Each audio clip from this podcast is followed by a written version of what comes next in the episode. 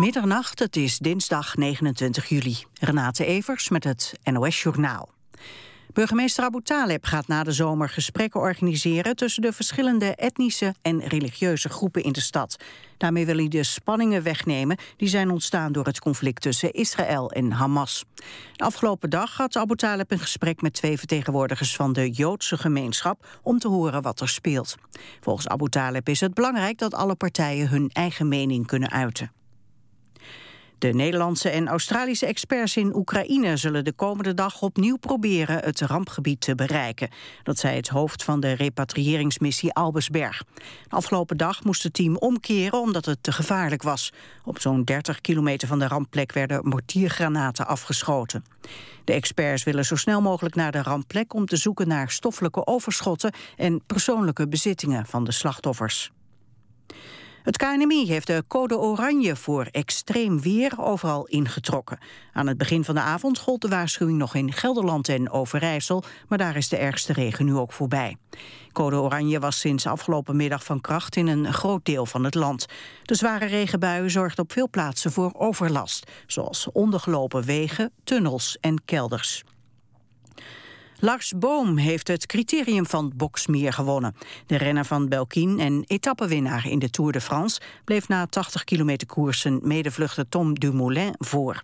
Elk jaar wordt direct na het einde van de Tour de France in Boksmeer... het criterium daags na de Tour verreden. Het weer, de buiigheid neemt af, maar helemaal droog wordt het niet. Overdag valt vooral in het zuidoosten nog een enkele regen- of onweersbui. In de rest van het land is het droog en zonnig. Het wordt 24 tot 27 graden. Dit was het NOS Journaal. Radio 1. VPRO. Nooit meer slapen.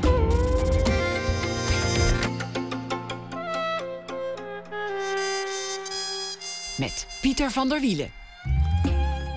Goedenacht en welkom bij Nooit meer slapen. Na jaren achter de schermen te hebben gewerkt in de literatuur, debuteerde Peter Buwalda zelf als schrijver een paar jaar terug met het razend succesvolle Bonita Avenue.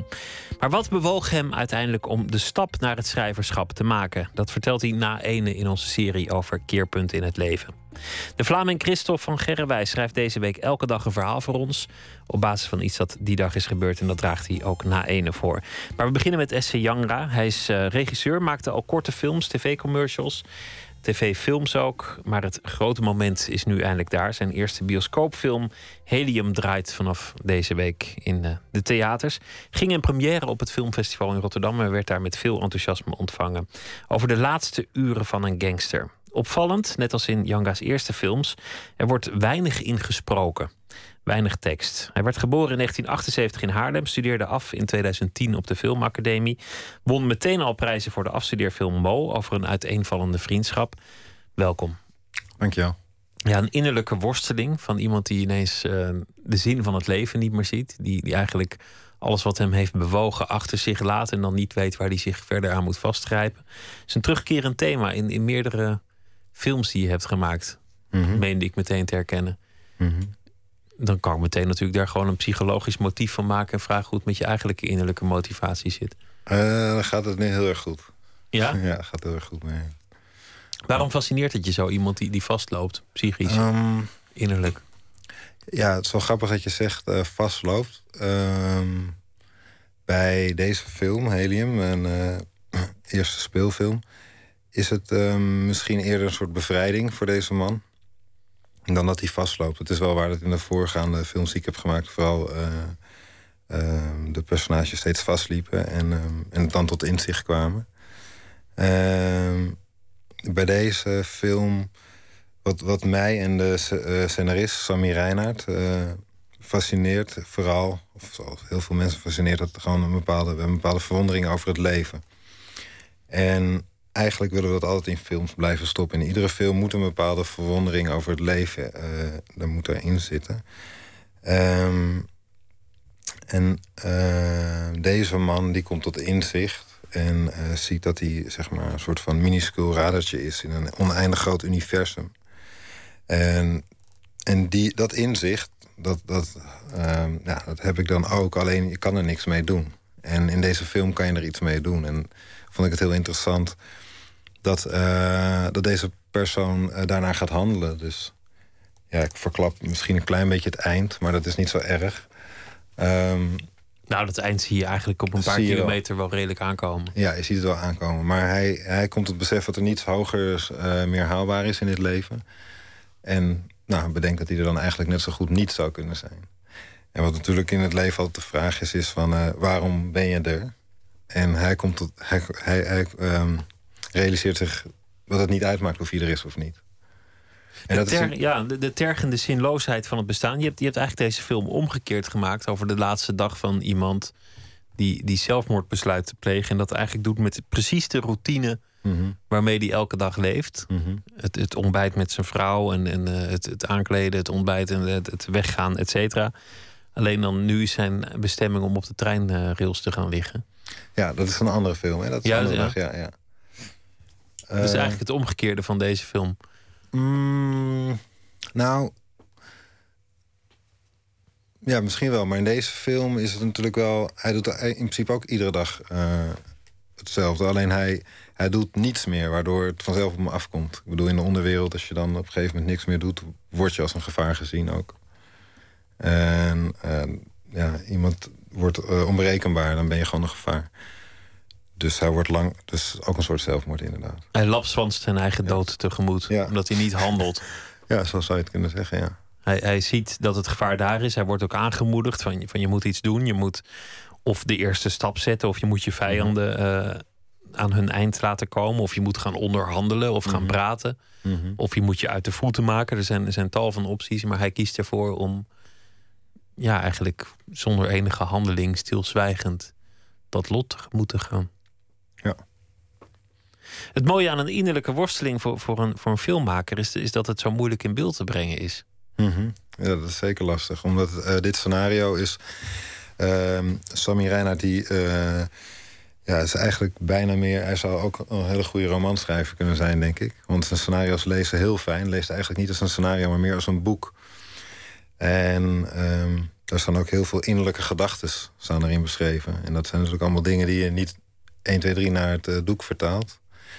Dus dat is ook de uitdaging van zo'n film maken. Dat is ook het leuke ervan. Maar ook de frustratie ervan. Want de, de locaties moeten perfect zijn. Anders, anders uh, vertelt het niet dat gevoel. Want ik moet, ik moet een vertaalslag maken. Dus. En dat maakt het soms wel lastig. Maar als het dan lukt, voor mijn gevoel is het wel uh, ja, heel bijzonder. Hoe doe je dat? Iemands innerlijke worsteling zonder tekst in beeld brengen? Uh, nou, dat is. Ik heb daar niet uh, direct een antwoord op. Ik, wat, wat, wat, wel, wat wel zo moet zijn, is dat alles in balans moet zijn. Dus bijvoorbeeld in een, een scène waarin ik, ik, ik schets maar een voorbeeld, iemand uh, heeft het gevoel dat de hele wereld op zijn schouders rust. Zo'n zo'n standaard. Dan, waar, dan denk ik, oké, waar ga ik hem neerzetten? Ga ik hem neerzetten in een supermarkt? Of ga ik hem neerzetten uh, in een zwembad vol krijzende kinderen? Of zet ik hem neer uh, alleen thuis in een kamertje? Het zijn alle drie uh, totaal verschillende omgevingen... maar die wel iets kunnen vertellen over iemand... als je iemand daar niet, zich niet in thuis voelt. Nou, zo ga je bouwen. En dan ga je, nou, wat voor geluid ga ik horen? Is het stil of is het juist uh, heel rumoerig? En wat voor muziek? En dan, dan bouw je naar een gevoel toe. En het zal nooit um, direct het gevoel zijn van... kijk, deze persoon uh, heeft het gevoel dat de wereld op zijn schouders rust. Maar het zal wel daaraan raken. En uh, ja, dat is ook wel de reden waarom mensen verschillende interpretaties bij mijn film soms hebben omdat het niet gezegd wordt, omdat het er niet bij staat. Ja, precies. Omdat het een bepaald gevoel is. En mensen voelen dat er iets mee wordt verteld, maar ze kunnen het zelf ook niet direct duiden. Of ze kunnen het wel duiden. En dan zegt ze iets wat ik soms nog niet eens uh, zelf over na heb gedacht. Maar het, raakt dan wel aan, aan mijn gedachten. Je noemde geluid, dat, dat is volgens mij heel belangrijk in jouw films. Het viel mij althans op bij deze film dat het, dat het geluid, dat er heel veel aandacht aan was besteed. Het omgevingsgeluid, het, uh, ja. het, het, rijden van natte wielen over asfalt, het, het krijzen van vogels in het park. Mhm. Het geluid van voeten in de sneeuw. Ja, ja dat is wel grappig. De, het geluid van voeten in de sneeuw, wat je, wat je nu zegt, is inderdaad een detail waar ik heel erg uh, op heb gelet. Is, ja, je weet allemaal hoe dat klinkt. En um, deze man is uh, na, zijn einde nabij en is al deels opgestegen. Vandaar de titel ook helium. En de voeten klinken ook heel licht. En hebben ook heel veel galm. Het is bijna alsof je in een soort oneindige ruimte uh, door de sneeuw loopt. En dat zijn van die details die je eigenlijk allemaal moet optellen. En dan hopen dat je dan dat gevoel uh, uh, gaat verklaren. Dus dat is waar. Het geluid zit, is heel gedetailleerd ontworpen. Daardoor krijg je een soort suspensie in die film, omdat het spanning opbouwt. Juist omdat er eigenlijk op sommige momenten bitter weinig gebeurt, bitter weinig gezegd wordt. Mensen een beetje ja, voor zich uitstaren en, en zich bezighouden met hun alledaagse verveling. Over chique restaurants of nog maar een bezoek aan de sauna. Of uh, wil je nog een glaasje wijn? Nou ja, zo zitten ze. We gaan luisteren naar de, de trailer van de film.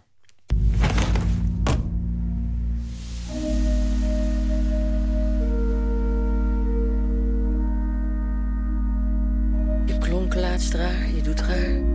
Het gaat wel goed met je. En wat deed je op Tessel?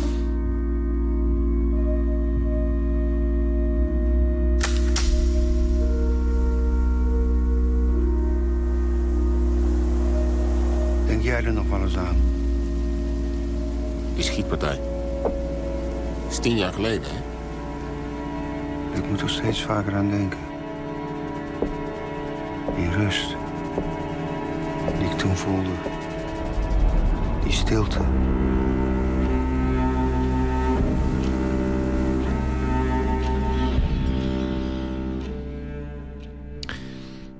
De film uh, Helium is dat. Was dat de eerste titel die in je gedachten had, Helium? Omdat het een vrij abstracte gedachte is van iemand die al opstijgt als helium. Mm -hmm.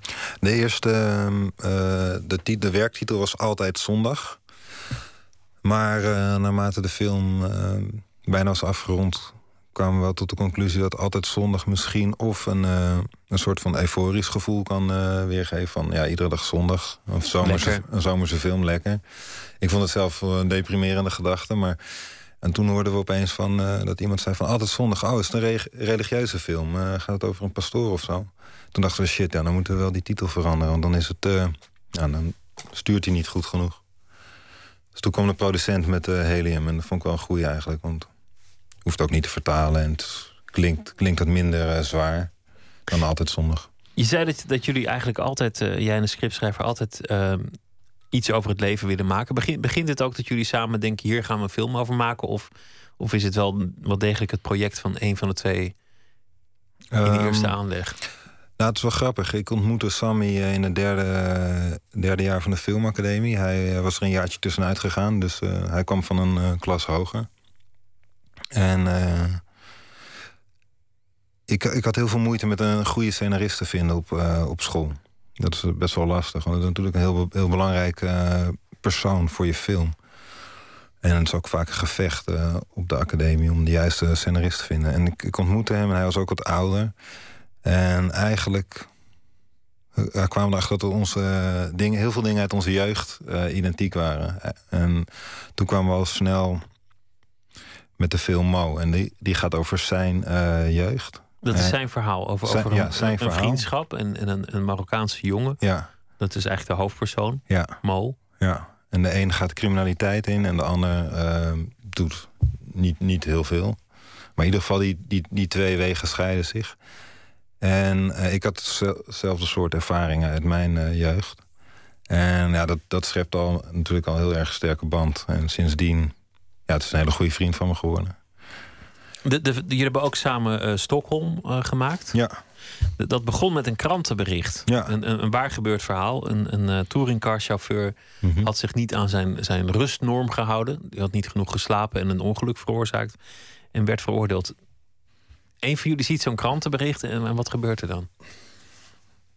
Nou, eigenlijk waren we over onze afstudeerfilm aan het nadenken... in een tuinhuisje in Groet ergens zouden we een weekend gaan zitten en dan uh, zouden we terugkomen met een film. uh,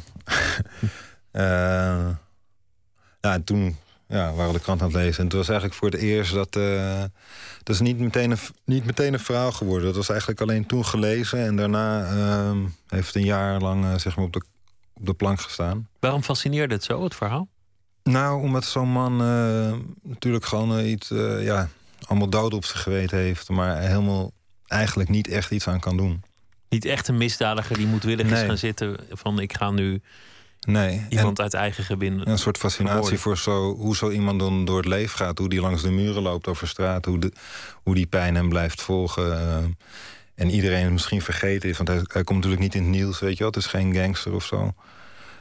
Maar ja, een soort fascinatie voor dat leed... en een soort van onthechting uit, eh, uit de gehele maatschappij. Want ja, zo iemand wordt natuurlijk nooit meer gelukkig. Ik kan me niet voorstellen. Nee? Nou ja, Echt gelukkig. Als je altijd, eh, zoals je een schoolbus met kinderen het ravijn in hebt gereden. Dat is, lijkt me heel zwaar. Ik denk wel dat je iets moet overwinnen, maar misschien Ja. lukt het wel weer. Het, werd gespeeld door Ton Kas, die, Mhm. die, die eigenlijk in al zijn, zijn droogheid en zwijgzaamheid. Ja, dat, dat schuldgevoel duidelijk met zich meedroeg. Het, het, het enge aan die film is dat, dat iemand een slachtoffer is, maar tegelijk als dader bestraft wordt. Mhm. Om, omdat, ja, je kunt wel zeggen, ook al heeft hij zich niet aan zijn slaapnorm gehouden, is hij daarin roekeloos geweest dat hij het ongeluk hem even goed overkomen is. Mhm. Ja. De wending in de film is uiteindelijk dat hij wel degelijk toch gaat proberen om die zin in het leven te hervinden. Mhm. Dat klopt, ja. ja, ik, ik vertel gewoon de hele film. Hij, ehm, in, in dit geval hadden jullie mazzel, denk ik, met, met, met het feit dat Tom Kas zo'n weergeloos goede acteur is. Die, Zeker, ja. die, die met zijn mimiek heel veel kan doen. En die, die, die nou ja, soms wel twintig minuten op een bankje zit en, Ja. en, en een sigaretje rookt en eh, Ja. een jointje rookt. En eigenlijk nauwelijks iets zegt en af en toe zijn, zijn hoofd laat hangen. Ja. En bijna iets grappigs geeft. Ja, ja ik had eerst in instantie had ik ook een andere acteur op het oog. eh, een acteur die, die je eerder bij zo'n rol zou verwachten. Want toen had Tom Kas, naar mijn weten, op dat moment nog niet zoveel van die eh, eh, wat zwaardere rollen gespeeld. Was hij vooral eh, grappig. En, maar die acteur, die andere acteur dus, die, die heel goed in het plaatje zou passen, die, ehm, dat was zo één op één. Dat werd zo, werd zo zwaar in één keer. En toen, ja, Tom Kas vond ik een hele leuke acteur. Maar ik wist, ik dacht altijd dat hij kaal was. En toen had hij opeens een hele bos haar. En toen kon ik hem wat op een of andere manier eh, serieuzer nemen. eh, voor, een, voor, een, eh, voor een soort van dramarol. Ja, En dat deed hij zo goed. Hij is bekend van, hij heeft zo'n show gehad dat hij moppen gaat tappen. Heel erg geestig, gewoon onlangs, ouderwetse ja, ja. Amsterdamse mop. Hij, zat in het schaap met de vijf poten en alle Mhm. variaties daarop op, op campings of, of, of elders. Mhm. Maar inmiddels heeft hij wel meer van die, van die echt Ja. dramatische rollen, zoals in, zoals in Matterhorn en, en Ja. andere films. En nu volgens mij komt er een film dat hij een eh, pater of een priester of zo, of een monnik bedoel ik, eh, speelt. Kon je hem makkelijk krijgen, want het is een succesvol acteur en, en het was maar een afstudeerfilm. Ja, makkelijk krijgen. Hij vond het scenario gewoon mooi. Anders eh, had hij denk ik niet gedaan, nee. Dus in principe heb ik... Nee, ik heb niet hoeven opbellen en met, ik heb niet met bloemen op zijn op zijn stoep gestaan. Nee, dat, dat, dat ging wel vrij makkelijk. Maar ik denk dat sowieso een acteur in Nederland of waar dan ook... een, een rol niet gaat spelen als hij, als hij het scenario niet goed vindt. Lijkt me niet, lijkt me Nee. niet verstandig. Hans Dagelet, hoe, eh, hoe kwam je bij hem terecht? Die, die speelt in, in Helium de belangrijkste rol. Ja, ehm, nou, ik, had, eh, ik, ik ben een eh, fan van een eh, Russische regisseur. Die eh, heet eh, André. En daarna komt een hele lastige naam die ik niet zo goed uit kan spreken. Maar hij is in ieder geval de regisseur van The Banishment en The Return. En die, en gebruikt vaak dezelfde acteur. En zo'n soort type had ik in mijn hoofd. Maar eh, ja, die was niet in Nederland te vinden. Dus het was een lange zoektocht eigenlijk voor Helium. Ehm, nou, er kwamen best wel wat grote namen voorbij uit, eh, uit de Nederlandse filmwereld. Alleen eh, voelde ik dat net niet. En ehm, toen Hans... Ik had Hans eerder in een theaterstuk gezien. En dan vond ik hem heel goed spelen. En toen ik hem voor de casting eh, langs liet komen... toen was hij meteen in character. En dat vond ik eerst wel grappig. Want ik dacht van, ja, dat doen acteurs vast vaker. En dan komen ze in character. En hij had een pak aan en zijn haar achterover. Maar hij deed dat wel helemaal van A tot Z. Dus bij, vanaf het binnenkomen, hij bleef het volhouden. En dat deed hij zo goed dat ik op een gegeven moment zelfs een beetje geïntimideerd eh, raakte door hem. Omdat hij echt recht door me heen keek. En zelfs bij het afscheid nemen van eh, na de casting en zo van, nou, we laten wel wat weten. En zo bleef hij in character. dat vond ik eigenlijk wel heel erg mooi. En eigenlijk wist ik halverwege de casting al direct dat, dat hij het zou worden. Omdat hij dat echt heel overtuigend deed. Hij wordt het personage. Het moeilijke met gangsterfilms is natuurlijk dat er al zoveel ontzettend goede gangsters zijn geweest in de, de geschiedenis van de film. En, en dat het voor een deel ook clichés zijn geworden. Het lijkt mij voor de acteur en voor de regisseur moeilijk om, om niet in, in dat ravijn te donderen. Hm.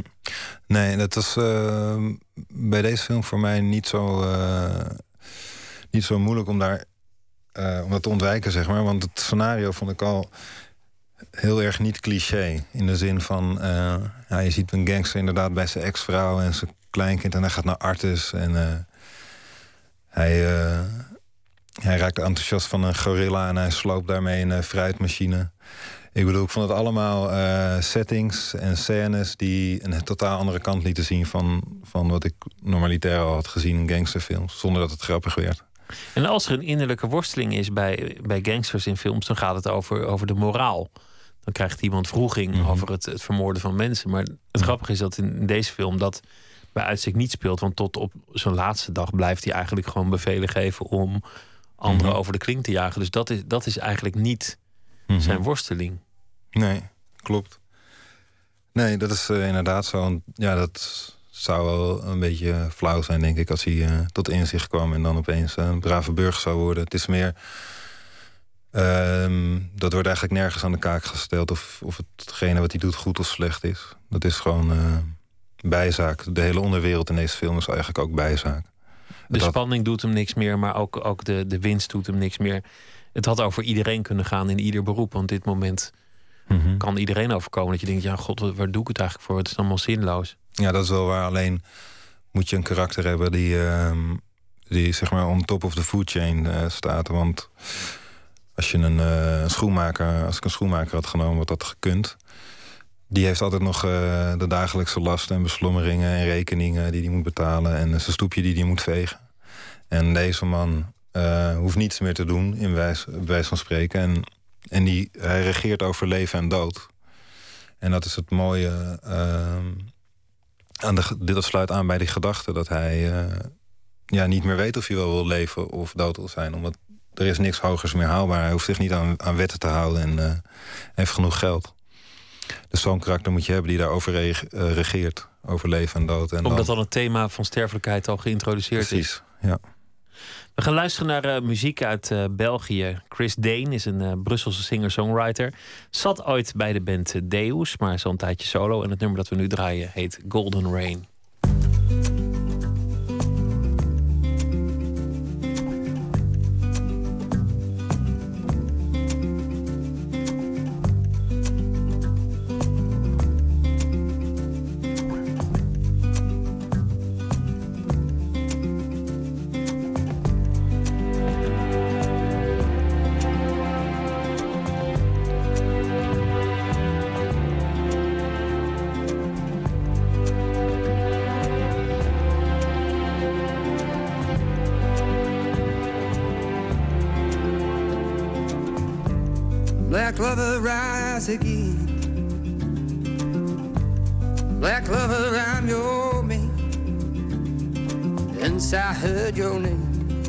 Nothing is quite the same out in the golden rain.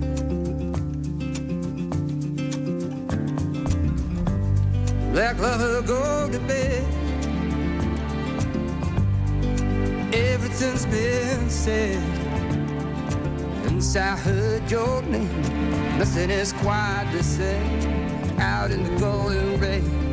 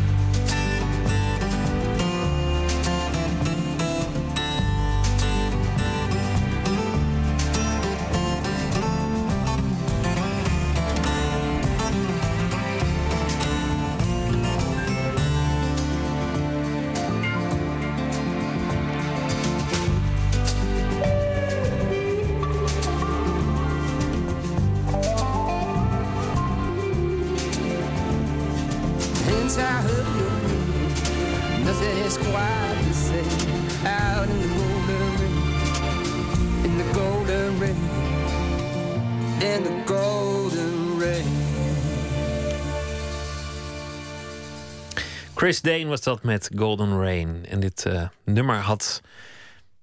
Volgens, was van uh, Johan Derksen trouwens. Die noemde dat uh, de, de, beste artiest ooit. Newbury. En daar had deze muziek ook wel bij kunnen passen. We luisteren naar Nooit meer slapen. Die, we zijn in gesprek met Esje Younger. Hij is regisseur. Zijn eerste bioscoopfilm Helium is vanaf deze week te zien in de bioscoop. Over een gangster die de zin van het leven niet meer inziet. Die een existentialistische crisis doormaakt. Je doet ook andere dingen, uh, commercials. We gaan, we gaan luisteren naar een fragment van een reclame die je hebt gemaakt voor een niet nader te benoemen biermerk uit Amsterdam, waarvan de eigenaar niet ontvoerd is.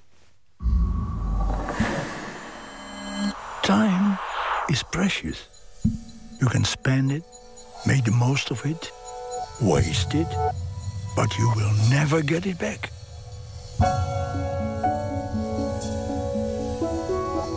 For over 150 years, we've been giving all of our time to let our golden grains mold and our finest hops come to taste and let it brew just a little bit longer. We don't believe in getting it done. We believe in getting it right.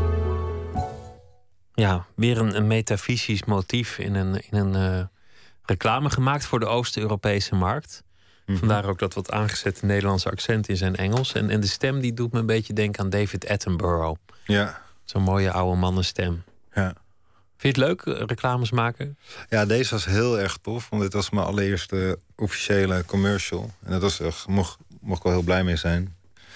Voor een uh, biermerk, inderdaad. Dat zijn wel... Uh... De mooiste reclames meteen ook. Nou ja, ja, weet ik niet. Maar in ieder geval, er is veel budget. Dus uh, het is niks lulligs. Ik, ik, mocht naar Slovenië en uh, ja, gewoon een crew die volgens mij nog groter was dan, uh, dan voor mijn speelfilm. Hoe gaat dat, zo'n reclame maken als, als regisseur? Want dan mag je niet, denk ik, als vrije opdracht zelf bepalen van nou, ik, ik associeer dit merk wel met een oude man die heel erg zijn best doet. Mm -hmm. Nee, ja, het is voor mij ook allemaal net nieuw. Hè. Ik doe dit nu zes maanden. dus ik leer ook heel veel nog. Maar deze commercial kreeg ik alleen uh, de copy, de tekst kreeg ik. En daar moest ik iets bij verzinnen. En toen had ik uh, bedacht, uh, we moeten de oudste brouwer uh, levend ter wereld zoeken. En nou ja, dat, die, dat is zijn stem ook. Dus, Dit is echt een, een brouwer, ja, dit is niet, een, een, acteur. Nee, het is echt een brouwmeester. En hij, is, hij heeft in China gewerkt, in Afrika. Hij zat helemaal vol met verhalen, die, die man. En heeft zijn hele leven vanaf zijn 14 of zo heeft hij bier gebrouwen. En uh, hij was nu ergens in de 80. Hij vertelt ook met trots. Ik, ik, dacht dat is allemaal heel mooi gecast. Jullie zijn op zoek gegaan naar iemand met zo'n stem en zo'n. Nee, hij was echt. Ja, dat was heel tof. Je kunt, je kunt de hele trucendoos die je in je eigen werk gebruikt ook maximaal uit, uit de kast trekken. Ja, bij deze commercial. Ja, inderdaad, bij deze wel, omdat er, omdat er genoeg geld was. Maar in principe blijf je, ben je natuurlijk altijd wel stijlvast. Dus uh, of je het nou wil of niet, het zal wel altijd herkenbaar zijn, denk ik. Als het goed, als, als het goed wordt. Dus, dus je, een reclamefilm van jou, daar zit ook de, de hand van de meester om in biertermen te blijven. Die, uh, ik denk dat ik, ja, ik denk dat ik, ik, ik, ik hou erg van uh, esthetische films. En, en uh, visueel ziet het er altijd wel goed uit. Of tenminste, ik tracht dat het, dat, dat het mooi wordt. En ik heb nu onlangs een korte film gedaan, een NTR-kort. Toen dacht ik, nou, dan ga ik even helemaal uh, loslaten. Want het kost natuurlijk heel veel tijd, weet je, om zo heel strak te filmen. En uh, production design moet perfect zijn. Dus ik dacht, we gaan uh, gewoon met handheld filmen. En locaties maakt niet uit en zo. Maar dan ga je beginnen met die film. En dan zit je toch, zit je toch weer zo te kijken. En dan... Was dat die film over de, over de ziekenhuisopname? En de... Nee, die is een, dat is een van een paar jaar terug. Deze is, gaat over een man die heeft zes jaar vastgezeten. En als hij vrijkomt ontmoet hij zijn zoon van zeven. Dus uh, dan gaat het over die relatie tussen die vader en die zoon... die elkaar nog niet kennen. Die uh, van het ziekenhuis was ook een NT-akkoord... maar was een paar jaar, uh, of 2010 was dat. Die was juist heel stilistisch gedraaid, wilde ik net ja. zeggen. Ja, precies. En wat, wat is dat eigenlijk, iets stilistisch draaien? Waar, waar, draait het in essentie om? Want je had het over, over een mooi beeld. Dat, dat laat zich gewoon moeilijk uitleggen wat dat precies is. Ja, dat is natuurlijk heel persoonlijk wat mooi is, wat je mooi vindt en niet. Dus, maar bij mij is, het vaak, uh, is er vaak een leegte te zien. In allemaal films zit ook uh, ja, heel veel leegte en heel, heel veel is geordend. Alles is geordend. En ik, je zal niet zo snel figuranten op de achtergrond zien lopen of in een realistische zin een straat zien. als er een figurant aanwezig is, dan heeft hij meteen altijd een functie. En dan staat hij altijd in verband met het uh, hoofdpersonage. Um, ja, dat vind ik dan prettig. Als ik wil alles controleren in het shot, zeg maar. Terwijl het in het echte leven natuurlijk niet zo is dat iedereen op straat een functie heeft. Uh, nee, het is maar hoe je er naar kijkt natuurlijk. Maar nee, maar ik bedoel niet, niet in, in, in het verhaal of in het leven van... Nee. Ik, bedoel, ik, ik ben vandaag wel honderd mensen tegengekomen die ik nooit meer zal zien. Ja, nee, klopt. Maar misschien uh, als je op vakantie bent of je bent ergens waar je heel veel rust vindt en je ziet een mooi beeld, onthoud je dat wat je vandaag hebt gezien, heb je misschien niet onthouden. Maar als het op een bepaalde manier voor jou gestructureerd binnen is gekomen, dan wel. Denk ik. In, in, die, in je laatste film um, zijn het ook bijna de elementen die, die gaan spreken. Het, het, is, het, wordt heel erg mhm. fysiek voelbaar. Ik bedoel, de sneeuw die, die, valt, die, die valt daar mm heel gestileerd. Maar lijkt, lijkt ook zo, omdat er zo weinig tekst is, lijkt het ook een functie in het verhaal te hebben. Mhm. Ja, ik, ik wou, eh, of wij wouden heel graag dat de natuur zeg maar de overhand nam. En, uh, ja, en, en zodat het uh, karakter Frans zich echt nietig zou voelen. Omdat de mens natuurlijk ook eigenlijk. De mens is natuurlijk natuur, maar ook wel ondergeschikt aan de natuur. Want uh, ja, we gaan allemaal dood. En en de, de, bomen blijven bestaan en sneeuw, dat gaat eindeloos door. En, en dat zie je ook in deze film. Dus op een gegeven moment heeft hij last van muizen ook, die, die crimineel. En dat is ook een soort van metafoor voor dat de natuur echt zijn huis binnen begint te dringen. En, en die muis gaat ook niet weg.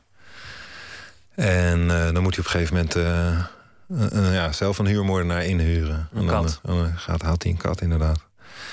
Maar ik vond zo mooi daaraan dat het, dat het, uh, dat het niet lukt om over leven en dood te beschikken. Dus hij kan eigenlijk iedereen om laten leggen wie die wil. Hij kan mhm. met hele lijsten handelen van nou die gaat er vandaag aan en die gaat er morgen aan. Maar om de muizen uit zijn appartement te krijgen, dat lukt dan net niet. Ja, ja. Inderdaad, dat is het ook zo. Ja. En dat is ook met uh, ja, andere natuurverschijnselen zoals de regen en uh, wind en zo. Dat, dat, wordt heel erg benadrukt in het geluid ook. En uh, daar is hij ook heel erg mee bezig in de film. Op een gegeven moment gaat hij ook tegen de wind inleunen naar voren.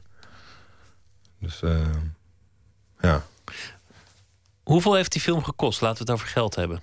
Ja, hij heeft uh, ja, 9,6 was hij, dacht ik. Dus 900.000 uh, euro, ietsje meer. Dat is niet veel voor een film. Ik bedoel, het is een hoop geld om te hebben, maar voor een film is het, is het, is het peanuts. Ja, ik, weet, ik kan daar niet zoveel over zeggen. Ik weet niet of het peanuts is. Als ik het nu nog een keer zo kan, kan krijgen, dan. Uh, nou ja, Titanic, wat kost het Titanic om maar meteen uh, aan de bovenkant van het segment te gaan, uh, gaan zitten? Nee, precies. Maar op de, wat dat betreft moet je ook wel in je scenario er rekening mee houden. Dan kan je inderdaad geen atoombom erin schrijven of iets dergelijks. Nee, dat is wel. Ja, het schrikbarend veel geld, maar als je ziet wat er op een dag wordt gespendeerd en waaraan, en dan zie je dat, dat niets, zeg maar, niets is overbodig en alles is noodzakelijk. Dus dan is het eigenlijk nog best knap dat we dat voor dat geld hebben gedaan. Maar goed, er zullen genoeg mensen zijn die voor dat geld misschien wel twee speelfilms maken, dat weet je niet.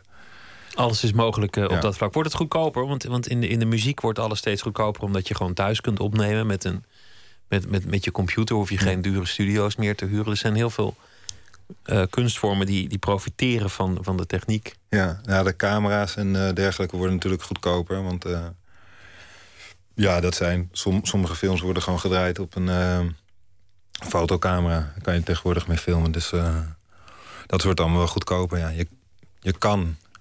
Bij mij, ik vind het heel lastig omdat mijn stijl zo, dat het allemaal zo gestileerd is, is het ook meteen duurder. Moeilijker om dat voor weinig geld te maken. Maar in principe kan je gewoon nu een speelfilm draaien voor duizend euro als je heel veel vrije tijd hebt. en, en, een grote groep vrienden hebt die ook, uh, die ook veel tijd over hebben. Want dat, dat is daar zit het geld in, in tijd natuurlijk. En dat iedereen moet eten. En, je, je, allereerste film was volgens mij niet heel duur. Dat was een, een korte film die had de titel Wild. En ja, kan je eigenlijk helemaal niet vertellen waar het over ging. En, en jij mij waarschijnlijk ook niet. Maar het, het, thema was in ieder geval dat iemand ineens een soort oerbehoefte aan, aan rauw vlees Mhm. kreeg. En dat nam zijn hele leven over. Weer dat exi- existentialistische thema van, van de zin van het leven. Hij wordt geleefd door zijn obsessie en wil rauw vlees eten. En het eindigt ermee dat hij een kip doodbijt in, Ja. het, eh, in het park. Ja, uit de, dieren, of uit de kinderboerderij ja. neemt hij een kip mee, klopt. Ja, een man die, eh, die is eh, heel, een heel erg gefrustreerde man... die eh, zich afzet tegen de hedendaagse consumptiemaatschappij... en gewoon weer wil voelen hoe het is om, om echt te leven, om echt een man te zijn. Dus dan gaat hij op jacht. Ja, het is ook natuurlijk een beetje komisch bedoeld. eh een kip eh, uit de kinderboerderij uh, door midden bijt. Het komische effect werd, werd daarin aangezet... do- doordat je bepaalde filmclichés, bijna filmcitaten aanwendt... die, die, rechtstreeks geleend leken uit, uit het horrorgenre. Bepaald soort cameravoering, bepaald soort close-ups. Hmm. Herken je dat? Nou, dat heb ik niet bewust. eh, eh, toen de tijd niet zo bewust zeg maar, eh, bedacht. Van dit, dit ga ik ontlenen uit dit genre. Maar ik heb daarvoor wel een, in Ierland een film gemaakt met dezelfde acteur die ook in die film zit. En dat heb ik met twee vrienden gedaan. Met hen gereg- geregisseerd en geproduceerd. En dat hebben we ja, voor iets van 4000 euro hebben we daar een eh, film eh, gedraaid. En dat was een horrorfilm, inderdaad. Een beetje David Lynch-achtig. Ja, dan, het is niet David Lynch-achtig, maar dat probeerden we dan. En eh, ja, dat materiaal had ik naar de filmacademie gezonden. En daarop, daarop ben ik toegelaten. Wat, wat is David Lynch-achtig? Wat, wat, wat doe je dan? Ja, toen, wat ik toen aan het doen was, dat...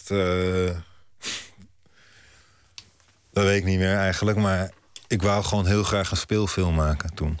Ik wou gewoon een speelfilm maken. En het- toen dacht ik van, ja, ik ga, ik ga een eh, horrorfilm maken. Met een beetje een vreemd verhaal. Een verhaal in een droom, in een verhaal, in een eh déjà vu of zoiets, weet je wel. En ik dacht, eh, ik, ga, ik ga een beetje zo'n horrorgenre aanhouden. Want dat zijn, die, hebben, die hebben allemaal regels, als genres. Dus ik neem een horrorfilm. Wat wat zijn het voor regels? Ja, gewoon bepaalde spanning. eh, en eh, ja, er moet een vrouw in dood, bijvoorbeeld. Oké. Vrouwen gaan, eh, vaak, die zijn, gaan er vaak aan in horrorfilms. dat is te regelen, toch? Dat was de regelen. Dat, hebben, dat is wel gelukt ook. Er zijn er twee, eentje doodgemarteld en eentje... die, eh, oh, die werd een zombie, volgens mij.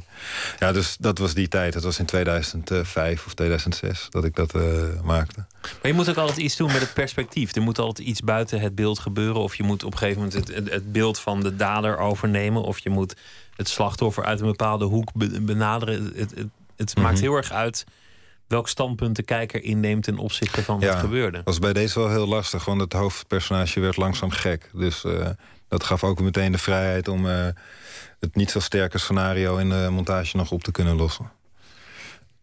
dus de, eh, de invalshoeken waren alom eh vertegenwoordigd vanuit alle personages eigenlijk. Dan heb je een, een gereedschap minder in handen eigenlijk. Ja, in feite wel, ja. Oh, naar aanleiding van jouw laatste film en het Rotterdamse Filmfestival werd gezegd: je kunt zien dat hij alle cultfilmklassiekers gezien heeft. Oh, werd dat gezegd? Ja, is dat waar of niet? Dat is zeker niet waar. Grappig dat iemand er dat dan heel graag inlegt. Ja, wat, wat eh, Bart, wie, wie heeft dat gezegd dan? Dat stond. eh, Al weet ik niet, een, van- een van die recensenten, een van die, een van die stukjes. eh. Oh nee, dat is zeker niet waar. Ik. ehm, Het, bang, het bange vermoeden lees bij het, rees bij het lezen van het artikel dat iemand dat vooral schreef zodat hij zelf zijn eigen filmkennis in het, in het stuk kon. Oh, oké. Ik moet het stuk nog eens een keer lezen. Maar nee, ik heb zeker niet alle. Ik, ik, ik heb zelfs vaak. ehm, ik moet echt eh, een cultfilm moet ik echt smiddags kijken of zo. Van echt een hardcore arthouse moet ik al smiddags kijken. Omdat ik anders raak ik het kwijt. S'avonds heb ik te weinig concentratie. En ik merk ook aan mezelf dat ik in de videotheek toen daar nog toen dat ze nog bestonden eigenlijk. Dat ik ook heel erg gevoelig was voor eh, commerciële eh, DVD-hoesen. Dus een arthouse film met een commerciële hoes pakte ik sneller dan een arthouse hoes. Wat, is, wat is een commerciële hoes? Hoe Nou, dat eentje eruit? die wat lekkerder is, die gewoon wat meer ver- die ja, er misschien wat meer clichés in, in verwerkt zitten. En een, en een hoes die helemaal zwart is met ge- gekraste letters en titel, dan had had ik niet zoveel zin. Oh ja, en, en, en filmclichés, dat is de, dat je een vrouw aan een touw ziet en een man die haar redt of zo? Of, Bijvoorbeeld. Of, of een open wagen. Of, eh, Ja, of een pistool of zo, weet je wel. Oh ja, dat is, Zeg maar pistool is echt een mooi cliché. Nee, maar zo simpel zit ik dan in elkaar en dan pak ik hem sneller. Maar uiteindelijk, eh, ja, kijk ik ze wel allemaal. Wat ik dan zeg maar in de videotheek kan halen. Maar kijk, ik ga niet zoveel... eh, ik zie ze niet allemaal, weet je wel. Het is gewoon meer wat goed... Ja, wat er in de videotheek ligt, is natuurlijk al op een bepaalde manier verkocht. Maar er zijn natuurlijk nog heel veel films daarbuiten. Melville werd genoemd, de, de regisseur. Dat je Ja. daar veel naar gekeken hebt. Ja, dat had ik dus nog nooit gezien. En eh naar aanleiding daarvan had ik even gegoogeld. En zijn bekendste film was Samurai. En het gaat over een gangster die ook... eh, Met Alain Delon, geloof ik. ja. Ja, ehm, ik heb hem nog niet gezien. Ik heb eh, de trailer gezien. Daar moet ik even een goed moment voor, eh, voor vinden om dat te gaan bekijken. Eerst een goede kop koffie nemen voor je die film gaat kijken. Oké. We gaan luisteren naar de Amerikaanse zangeres Khalees. Die eh, brak door met de hit Called Out There. En dit jaar heeft ze alweer haar vijfde album afgeleverd. De titel van het album is Food. En het nummer dat wij draaien heet Hooch.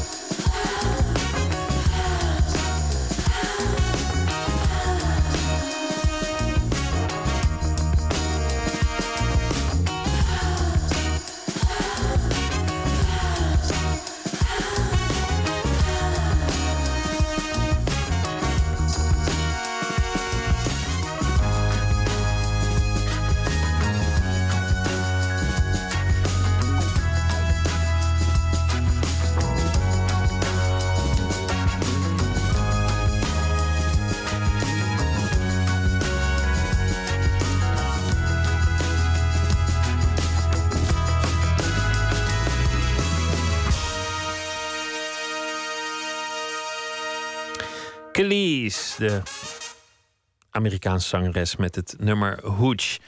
Nooit meer slapen in gesprek met Essie Yanga. We hadden het eh, net al over, over je film. En toen vertelde je ehm, het verhaal dat je, dat je in je afstudeerfilm eh, Mo, waar je ook allemaal prijs voor hebt gehad, verfilmde. Dat het eigenlijk ook voor een deel je eigen verhaal is. Ja. Het, het verhaal van iemand die, die eh, opgroeit in een, in een Nou ja, vertel het zelf eigenlijk. Nou, het verhaal dus, is dus geschreven door Sammy Reinhardt. En het is gebaseerd op zijn jeugd.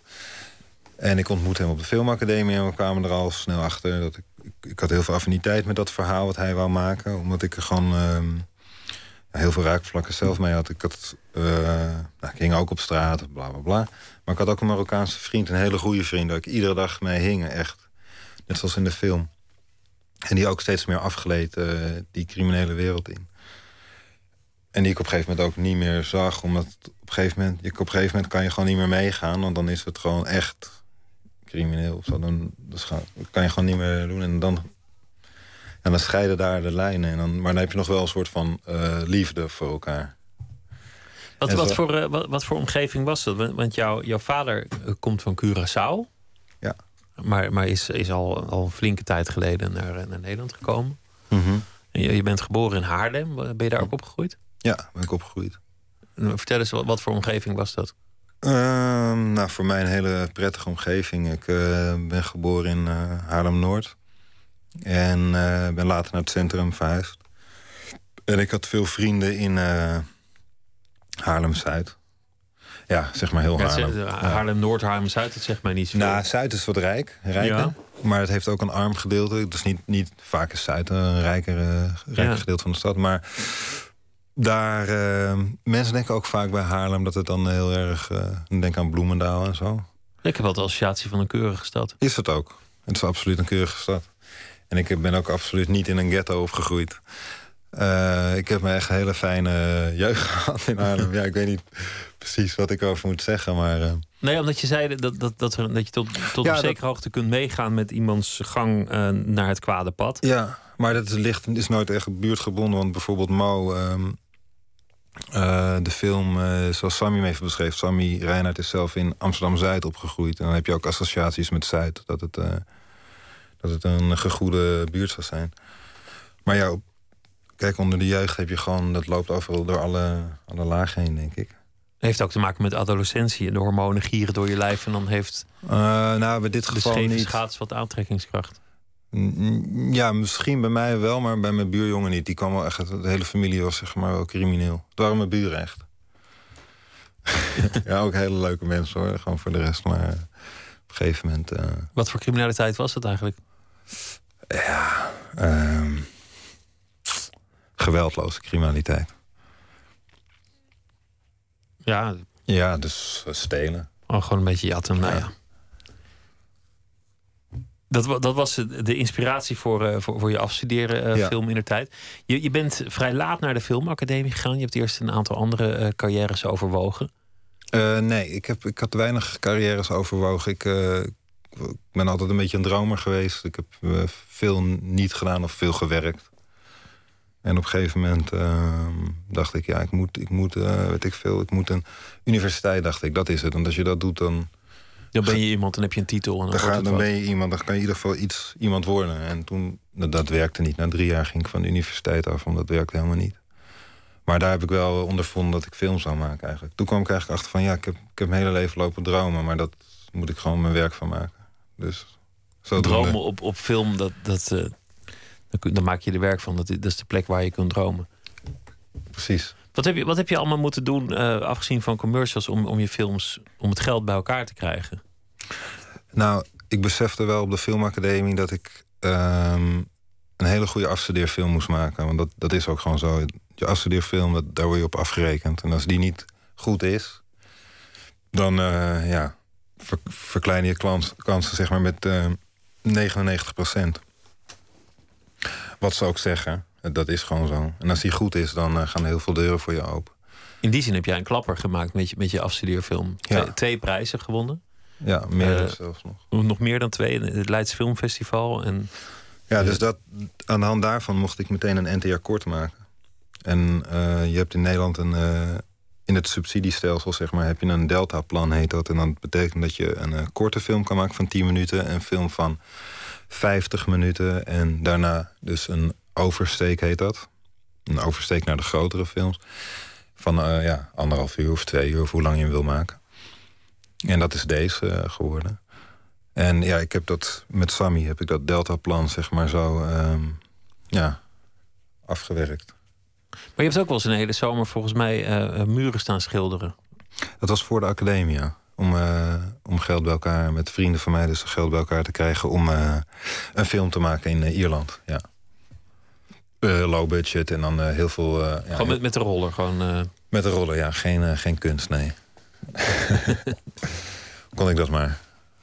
Maar het was gewoon met de rollen. En dat was, ja, met een aantal vrienden zijn we naar Ierland gegaan. We mochten in het huis van een, een schrijver mochten we filmen. Ze mochten zijn huis gebruiken en dat stond midden in het bos.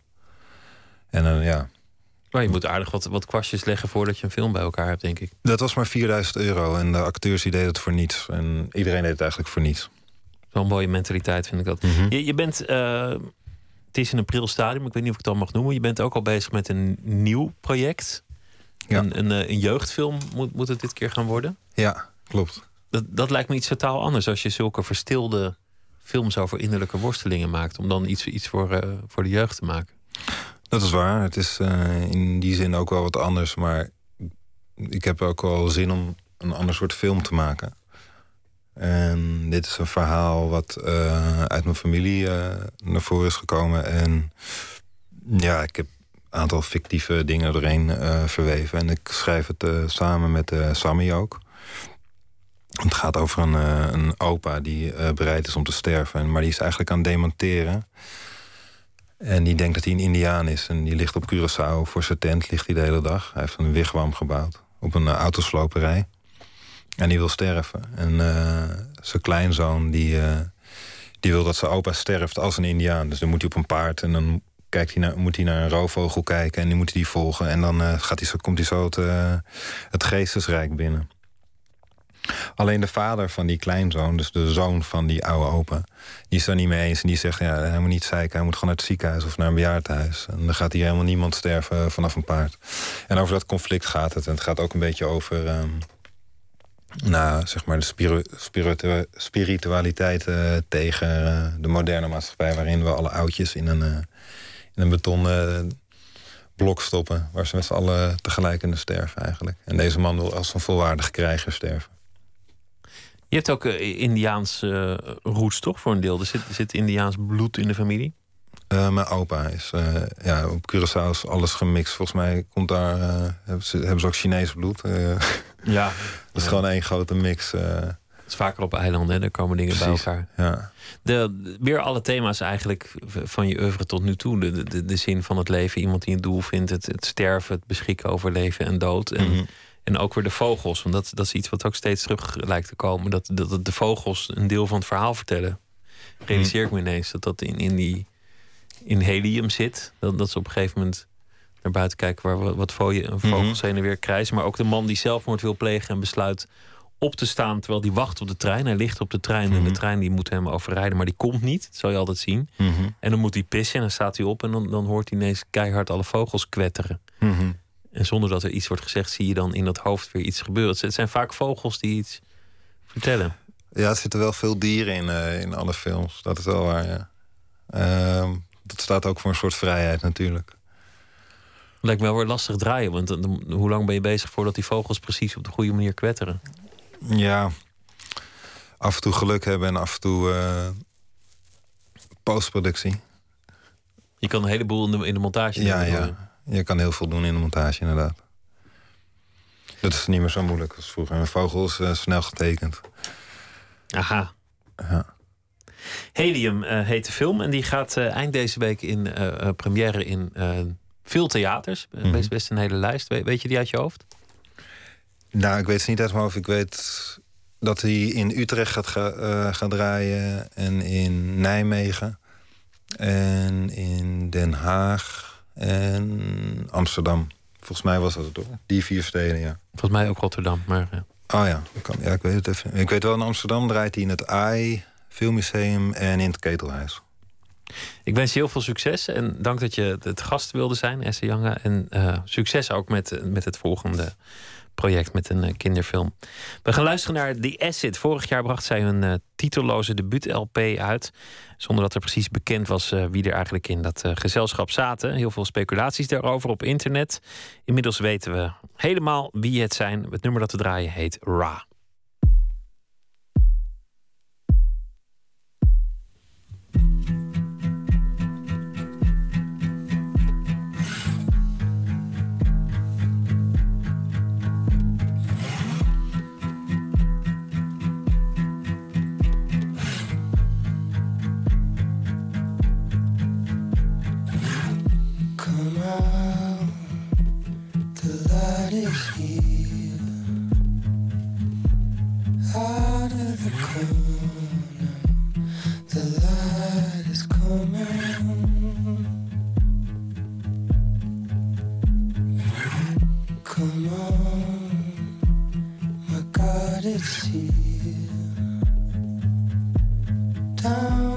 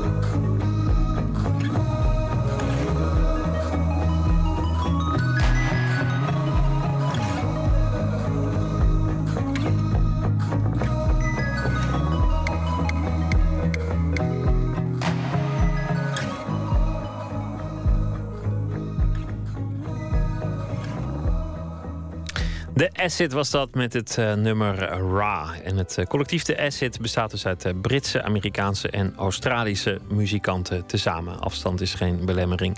Zometeen in Nooit meer slapen krijgt u een verhaal van de Vlaamse schrijver Christophe van Gerwij. Dat doet hij deze week elke dag. Op basis van het nieuws een verhaal schrijven. Peter Buwalda vertelt over het moment in zijn leven dat hij besloot om zelf schrijver te worden. In plaats van alleen maar redactie te doen voor andere bekende schrijvers.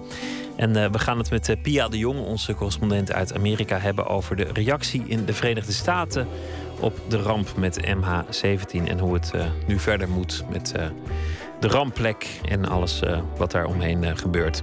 En we herhalen ook nog een verhaal van het, de serie Plots. En die gaat dit keer over het hoogtepunt, de piek van de Mount Everest. En de vraag wie die nou als eerste heeft bereikt. Via Twitter, het VPRO NMS of via de mail nooit meer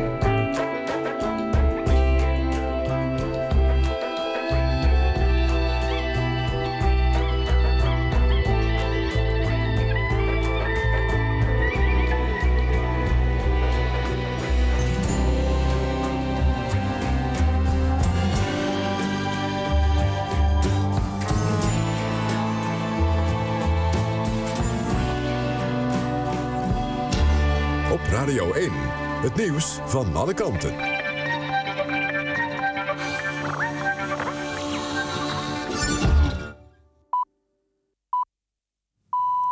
1 uur. Renate Evers met het NOS Journaal.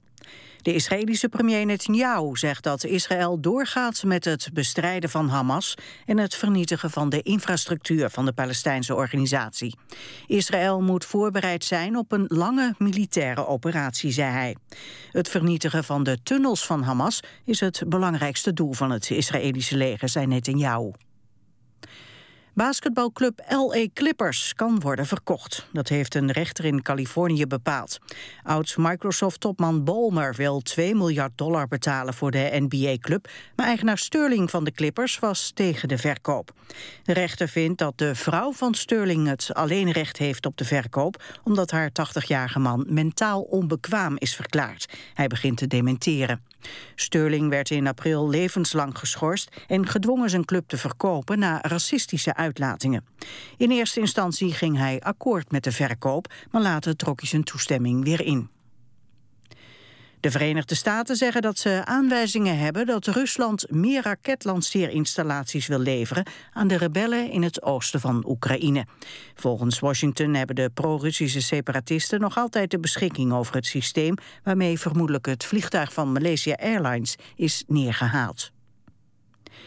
In een kanaal in Terheide bij Breda is een lichaam gevonden. Het was verpakt in een groot stuk plastic. Het pakket werd ontdekt door een voorbijvarende schipper die de politie alarmeerde. Die bracht het lichaam met duikers aan land. Het is niet bekend of het een man of een vrouw is. Het weer, de buiigheid neemt af, maar helemaal droog wordt het niet. Overdag valt vooral in het zuidoosten nog een enkele regen- of onweersbui. In de rest van het land is het droog en zonnig. Het wordt 24 tot 27 graden. Dit was het NOS Journaal. Radio 1. VPRO. Nooit meer slapen.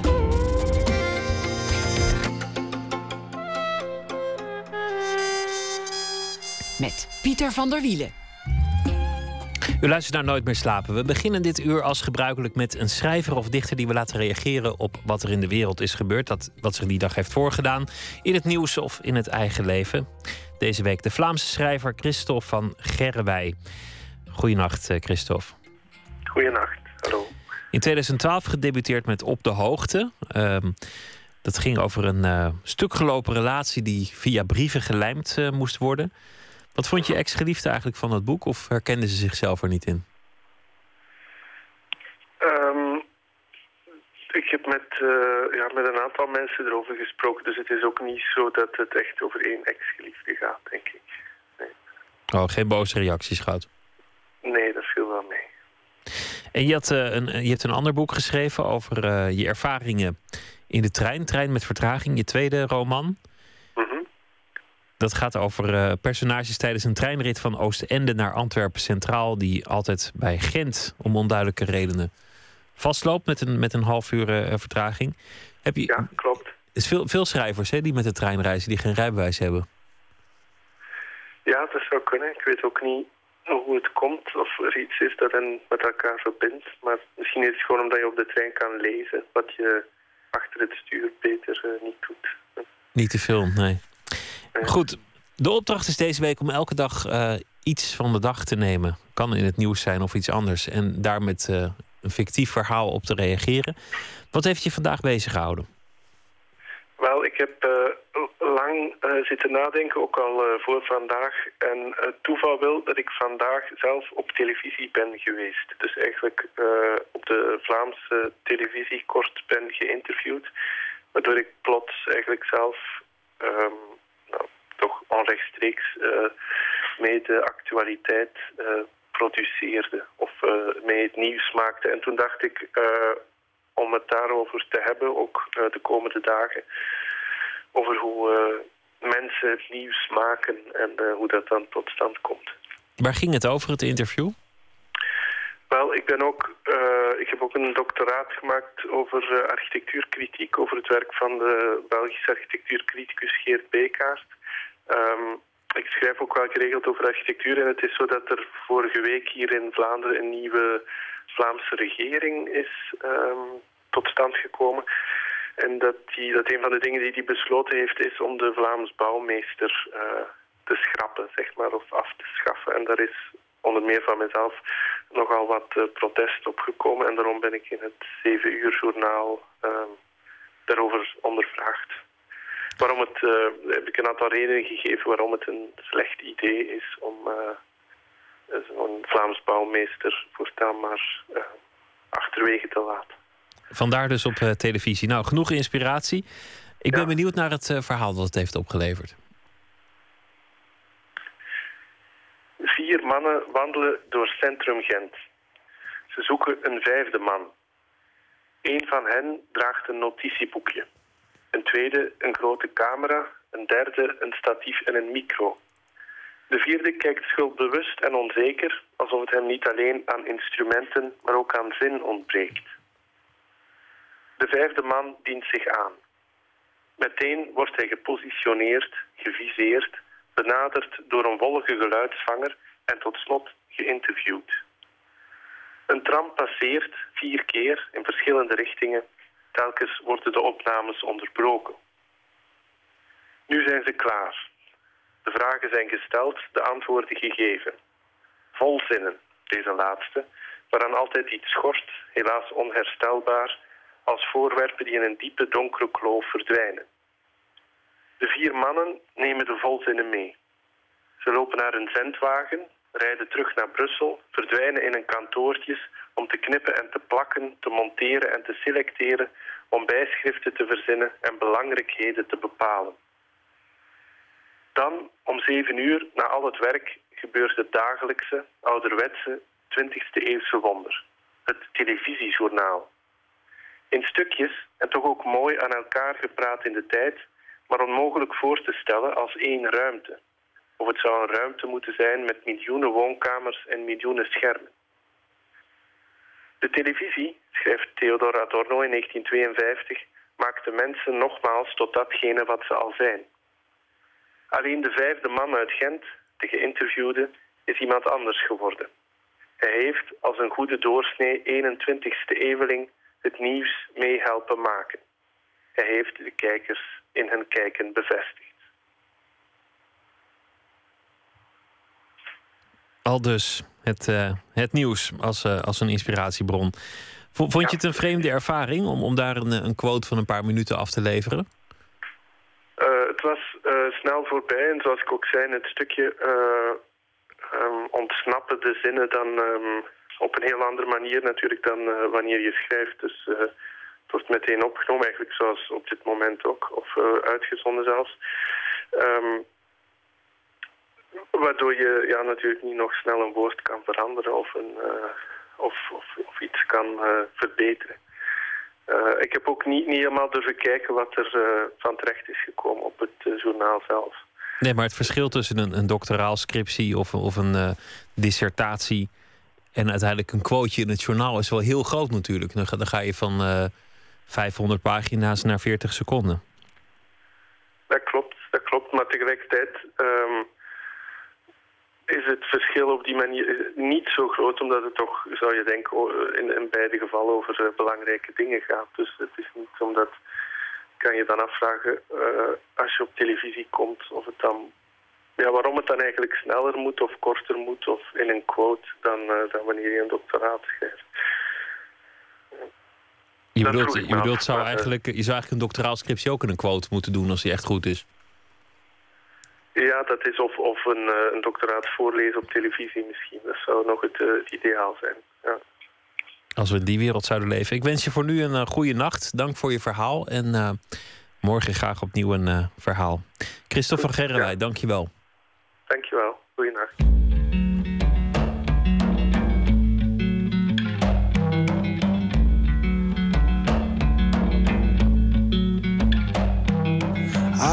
Past the bleak walls of an architect's unimagination. Returning to the venue where we held our very first conversation. To see you again, to be your friend, to hold you in my mind.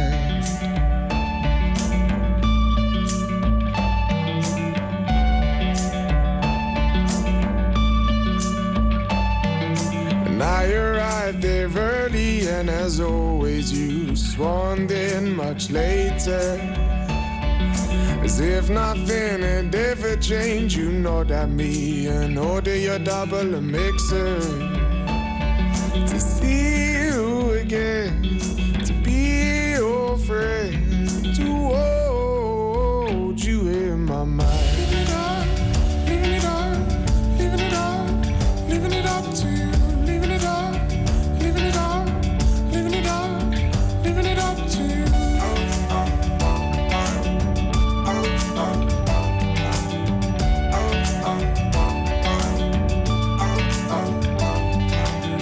Been told your new playmate successful and he's handsome and he's charming. It's a damn good job he isn't here, or I may have wound up harming your darling. To see you again, to be your friend, to hold you in my mind. We're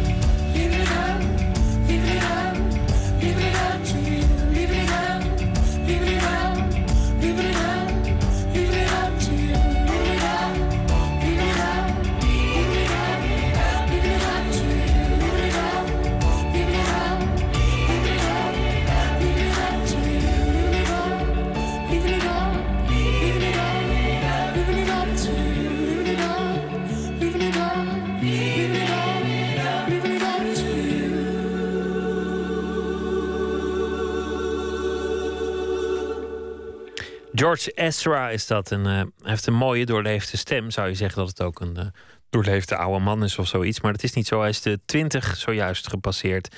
Het nummer heette Leaving It Up To You. Nooit meer slapen.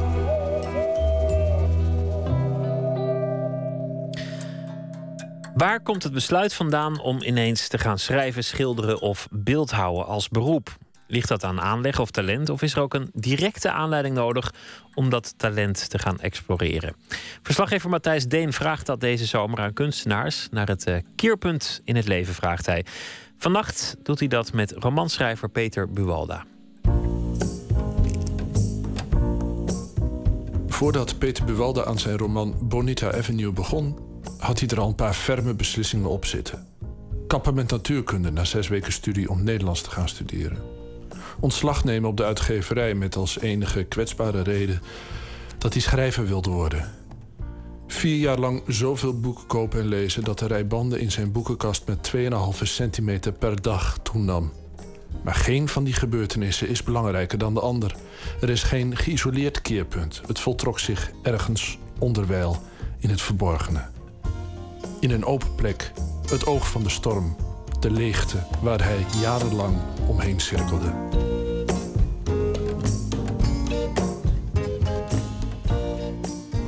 Ik begon pas in 1990 te lezen, dus alles wat ervoor zat was een soort prehistorie. Je kon je ook niet voorstellen hoe het leven was voordat je geboren was? Ook al was Nee, het- dat is het. Ja, exact. Ik, ik werd in 1990 geboren als lezer. Ik- Tijdens mijn studie, want ik was daarvoor helemaal geen eh, fanatieke lezer. Ik ben ook met natuurkunde begonnen. Maar in één keer kreeg ik heimwee naar één boek wat ik had gelezen op de middelbare school. Het fysieke heimwee. Het was eh, de nagelaten bekentenis van Emans. En daar wilde ik naar terug, naar dat wereldje. En dat gold ook voor de donkere kamer van Damocles. Dat was ook zo'n beklemmende, heldere, maar niet bestaande parallelle wereld. Je hebt toch op school wel moeten lezen? Nee, ik had wel wat eh, weggewerkt. Ik deed bijvoorbeeld jaar over het bittere kruid in die tijd. Het duurde een jaar voordat ik dat uit had. Dus ging ik naar Nederlands. En toen, ik kwam ook bij Broesie Chemic, dat nu geopend is onder die naam. Hè, het oude Polare. Eh, binnen met de vraag of, of ze het noodlot van Couperus verkochten. Maar ik wist niet wie het geschreven had. Het was voor mij een soort ja, een soort, bloem die openvouwt, die literatuur. Serieus. Het was totaal overrompelend en belangrijk. Ik was met niets anders mee bezig, zes jaar lang. Eh, een slag in de ronde, gekocht, gelezen. eh, stukken erover bedacht, geschreven, tijdschriftjes. eh. het was voor mij echt de ontdekking van mijn leven. kocht ook heel veel boeken, met name in het begin. Dat weet ik ook nog wel. Dan keek ik op de achterplat van, van, van, ik geloof van Celibaat. Dan zag ik die kop van Walschap. En dacht ik van, voor mij is dat een belangrijk iemand. Ik wist begon niet wie het was. En dan kocht ik alles van Walschap. Ik ging dan thuis zitten lezen. en dat bleek dan uh, toch uh, mysterieus en eigenzinnig en vervoerend. Het was vooral de eigenzinnigheid die mij erin aansprak. Het, alsof je ja, een beetje nerdy was het wel ergens. Alsof je vrienden sloot met, met, met, met ja, veel interessantere mensen dan je normaal gesproken tegenkomt. Dat gevoel kreeg ik, heel sterk. En ook een beetje daarbij willen horen? Nee, op gelijke voet. denk je dan, hè? Het worden intimie. Nee, dat, dat is een soort vreemd soort uh, kennissenkring. Uh, vertrouwelingen zijn het zelfs. Zo'n reven Philip Roth in die tijd ook al wel. En Marques. En, ja, het is onbegrensd. Ja, maar wel als, als, als een, ja, een eenling of zo, weet je wel. Jij en, en die figuren of zo. Het is een heel raar soort ingebeeld vriendenclubje is bijna. Wat voegt het dan toe aan het leven wat, je, wat er dan eerst niet was en, en later wel? Op het moment dat je die boeken gaat lezen, wat is er dan veranderd? Ja, gek genoeg toch van alles. Het was de meest uh, bevlogen tijd uit mijn leven. De meest mystieke tijd. Een soort... Uh, alsof je werd ingewijd in een soort uh, vrijmetselaarsbestaan. Maar dan bestaande uit, uit, uit echt goede schrijvers. En daarbij was alles zo ingericht in mijn leven daaromheen. Ik bedoel, die hele universiteit die, die deed daar heel belangrijk over. Uiteraard. Uh, mijn medestudenten. Uh, ontdekt dat zo'n stad als Utrecht helemaal stijf staat van de tweedehands boekwinkels. Mm. Dus je, je betreedt een, uh, een, hele onverwachte wereld die me erg goed beviel ook. Maar waarbij ik mezelf wel als een... Niet als ja, zelf schrijven, ja, dat, dat, dat, ondenkbaar leek me dat. Je begint een periode, maar sluit je ook een periode af dan?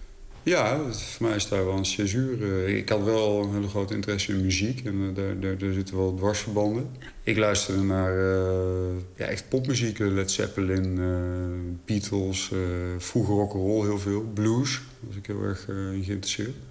Dat had wel iets daarvan. Dat had ik op de middelbare school al ontdekt. Dat, de, de, stem van Paul McCartney vlakbij, als je, als je, als je 15 bent in het donker, dat, dat maakt ook veel indruk. Dat, Welk nummer denk je dan aan? Rocky Raccoon. Ik kan me nog herinneren dat ik dat zo uh, op, op mijn rug liggend in het gras een keer... Uh, ja, ik van alles. Ik, heb, ik ken dat van binnen en van buiten toen al. Now somewhere in the black mining hills of Dakota there lived a young boy named Rocky Raccoon. and one day his woman ran off with another guy. Hit young Rocky in the eye. Rocky didn't like that. He said, I'm gonna get that boy. uh, je voelt jezelf uh, slimmer en beter bewapend raken voor, voor, voor de echte wereld. Je, de, gewoon de manier van denken, als je eenmaal Gerard Reven gelezen hebt, die, die, verandert echt. Kan je daar een concreet voorbeeld van geven dan? Op de manier waarop dat, uh, zeg maar, jou nou, ik vraag me af of, of, of, ik überhaupt eigenlijk al wist voor, voordat ik Reven... Uh, en ik, ik, kan nog andere schrijvers noemen, las wat ironie eigenlijk was.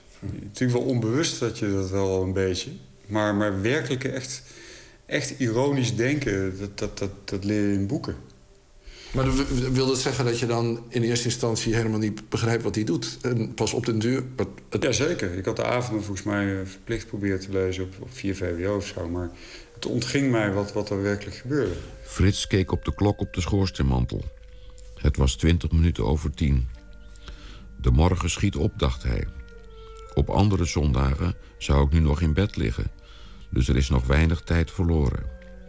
Hij ging naar zijn slaapkamer, trok boek na boek uit een kastje, bladerde erin en zette ze telkens weer op hun plaats.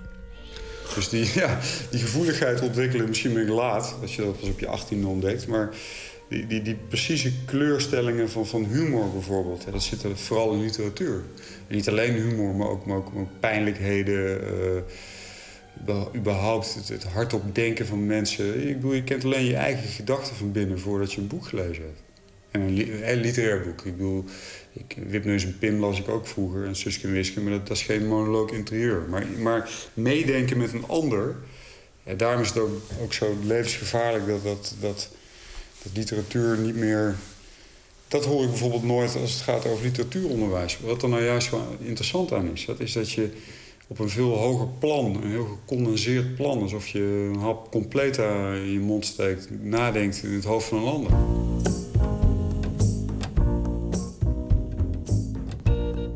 was bloedfanatiek daarin, gek genoeg. Dat is, eh, ik heb dat, eh, ik, ik, ik zie dat toen ik mijn boek schreef, had ik hetzelfde fanatisme eh, ook. En eh, nu klassieke muziek, kijk als je die cd's ziet staan, die zijn nog maar vier jaar oud. Er zijn er 4000 of zo. Als ik op een gegeven moment iets omarm, dan, dan, dan moet ik het ook per se doorleven helemaal. helemaal. Overmeesteren? Ja.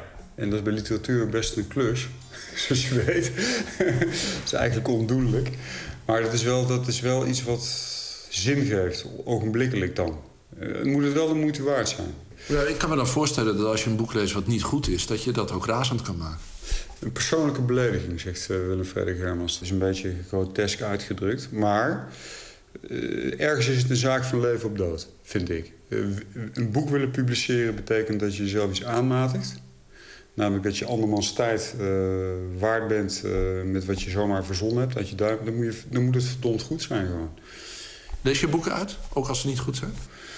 Nee, nu niet meer. Vroeger wel, maar nu ben ik... eh, als ik het na 100 bladzijden niks vind, of misschien zelfs eerder... na één bladzijde soms zelfs, dan hou ik op. Dat is ook sterfelijkheid. Hè? Je voelt dat de tijd op begint te raken. En eh, je hoeft geen eh, hoogleraar wiskunde te zijn om uit te rekenen... dat je niet meer alles kunt lezen. Dus je moet kiezen. En in het begin heb je die, die notie of die, die, die gedachte helemaal niet. En dat is gewoon alles wat je onder je ogen krijgt, probeer je. En je leest het ook uit, omdat je respect hebt vooral. Had ik.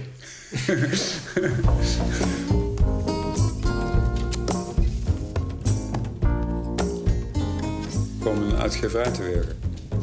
En ik had dus eerst dat beeld vast in mijn hoofd van... eh, er zijn alleen maar hele goede boeken kennelijk. Maar dat geldt niet voor een uitgeverij. Daar komen wel zomaar boeken terecht. En daar kwam ik achter. Toen ik daar kwam te werken moest ik een heleboel dingen lezen... die uitgegeven werden door, door, door een kleine uitgeverij waar ik werkte. Dan moet je denken aan een voetbalclub eh, als eh, Vitesse of zo binnen de hele voetbalwereld. Zo'n uitgeverijtje, wat daar wordt uitgegeven, daar zit zelden een meesterwerk bij. Daar werkende kwam ik erachter, ja, wat hier allemaal van de pers komt, eh, dat kan ik zelf wel beter, denk ik. Op dat moment denk je, nu ben ik. Ja. Ook mijn hele leven zou je bijna kunnen zeggen, een soort donutvorm aangenomen. En het gat in het midden was eh, eigenlijk het zelf schrijven van een roman. Ik werkte met schrijvers, ik schreef zelf essays over literatuur. Ik had de hele wereldliteratuur eh, proberen te lezen. In feite zeg je, in, in de hart van mijn bestaan was een plek oningevuld. En daar, daar moest het gebeuren. Ja, dat- dat- ja, alles eromheen, wat om een roman heen zit, dat had ik gedaan. En wat heb je gezegd? Ik ga zelf een boek schrijven. Ja, ik ga een boek schrijven. Heb ik gezegd, ik ga een roman schrijven. En, eh, En de uitgever zei? Veel geluk. ja, heel gek was dat. Hield je op met lezen? Nee, nee, nee. nee. Dat ging in dezelfde intensiteit door? Ja, exact hetzelfde, ja. Nee, dat heb ik ook altijd nodig. Vind ik ten eerste heel leuk. En ten tweede... Ja, ik moet me altijd een beetje verhouden tot iets wat geschreven is. Als schrijver. Ook als het slecht is, dan, dan vind ik dat stimulerend. Dan denk ik van, oh, ik ben niet zo slecht bezig. Die kan ik hebben. Ja, en als ik het goed vind, vind ik ook stimulerend. Dan denk ik van, ah, wat goed zeg. Godverdomme, hè. Hoe moet dat? Hoe doet hij dat? Hoe doet ze dat?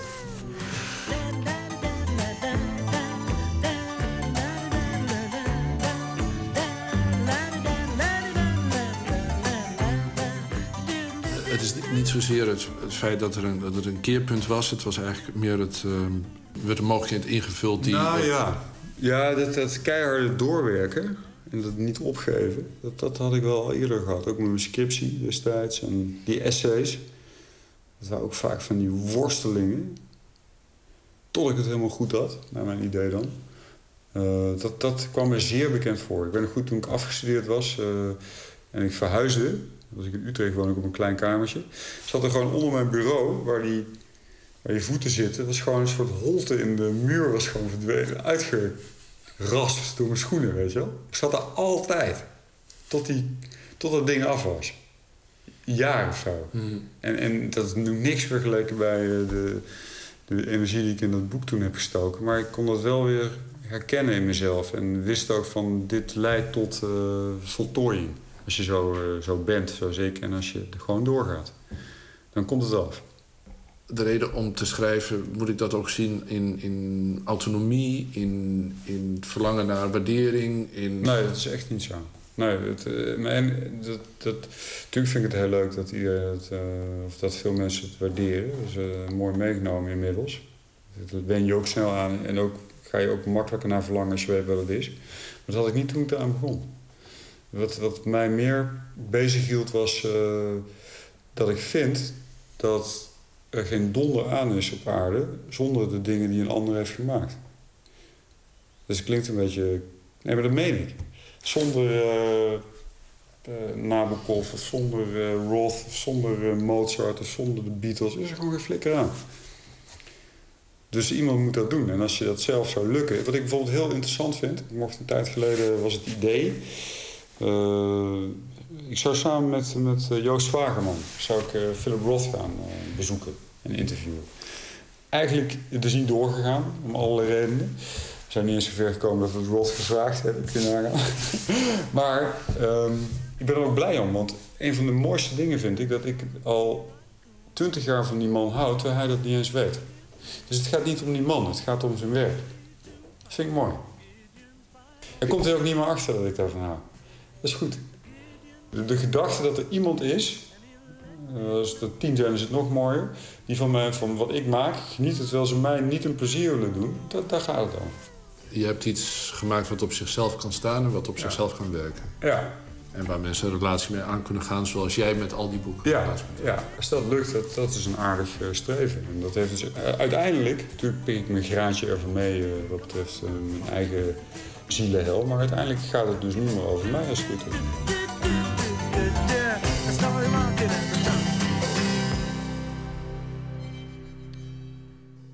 Verslaggever Matthijs Deen in gesprek met eh, Peter Buwalda, het zesde deel van zijn serie Het Keerpunt. Donderdag gaat hij op pad met de Irakese dichter en romanschrijver Rodan Al-Ghalidi, die in de jaren 90 Irak ontvluchtte en zo in Nederland terechtkwam. De Bill Withers en de Otis Redding van dit millennium. Veel grotere complimenten kan je iemand in de soulsector niet geven. Michael Kiwanuka gaat het over. Jonge Londense singer-songwriter. Zijn roots liggen ook in Oeganda. Van zijn debuutalbum Home Again draaien we het nummer I'll Get Along.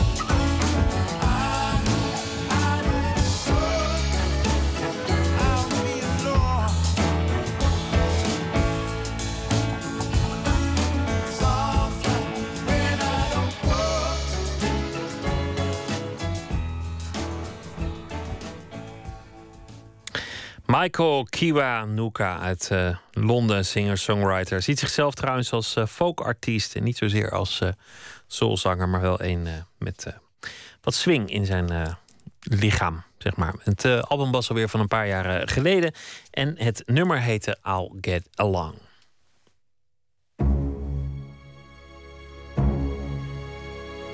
Babe,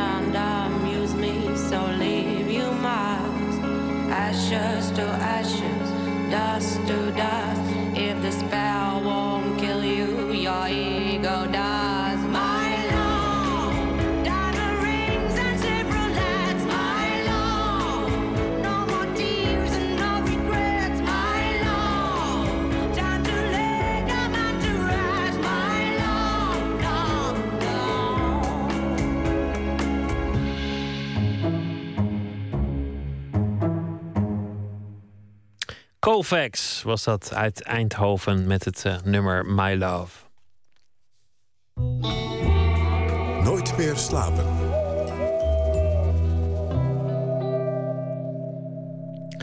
Pia de Jong is onze eigen correspondent in de Verenigde Staten. Woont daar sinds augustus 2012 samen met haar echtgenoot Robert Dijkgraaf en de kinderen. Ehm, in Princeton voor NRC Handelsblad schrijft ze een column over het leven al daar. En die zijn onlangs gebundeld, die columns, in het eh, boek Flessenpost. Goeie nacht, Pia. Goeden, goedenacht. Je bent deze zomer, eh, ja, goeie, goeie avond voor jou. Het is, het is wat vroeger daar. Je bent deze zomer ook nog in Nederland eh, geweest. Ja, hier zal dit toch de geschiedenis ingaan Tenzij wanneer er nog iets ergers gebeurt, natuurlijk, als de zomer van de ramp met de MH17. Ja. Was jij toen in, in de Verenigde Staten of hier? Nee, ik was in Amerika, in Montana, aan het uh, fly fishen. En ehm, dat moet natuurlijk eigenlijk een ontspannen gebeurtenis zijn, maar we kijken natuurlijk toch altijd op onze uh, sociale media apparaten. En daar kwam een berichtje binnen van, ehm, nou ja, van dit ongeluk. En uh, wat ik natuurlijk, dat is heel vervelend, want dan, dan wil je op dat, op dat soort momenten wil je toch graag thuis zijn. En uh, wie ken ik? En uh, dat gevoel. Ik vond het heel akelig. Hoe was, hoe was het als, als nieuwsgegeven in de Verenigde Staten? Ik was zelf in Frankrijk, waar het eigenlijk niet zo heel groot nieuws werd, werd geacht. Waar het eigenlijk de tweede dag al nagenoeg uit het nieuws verdwenen was. Of in ieder geval naar, naar een derde plaats was, was afgezakt. Hoe zat dat in de Verenigde Staten?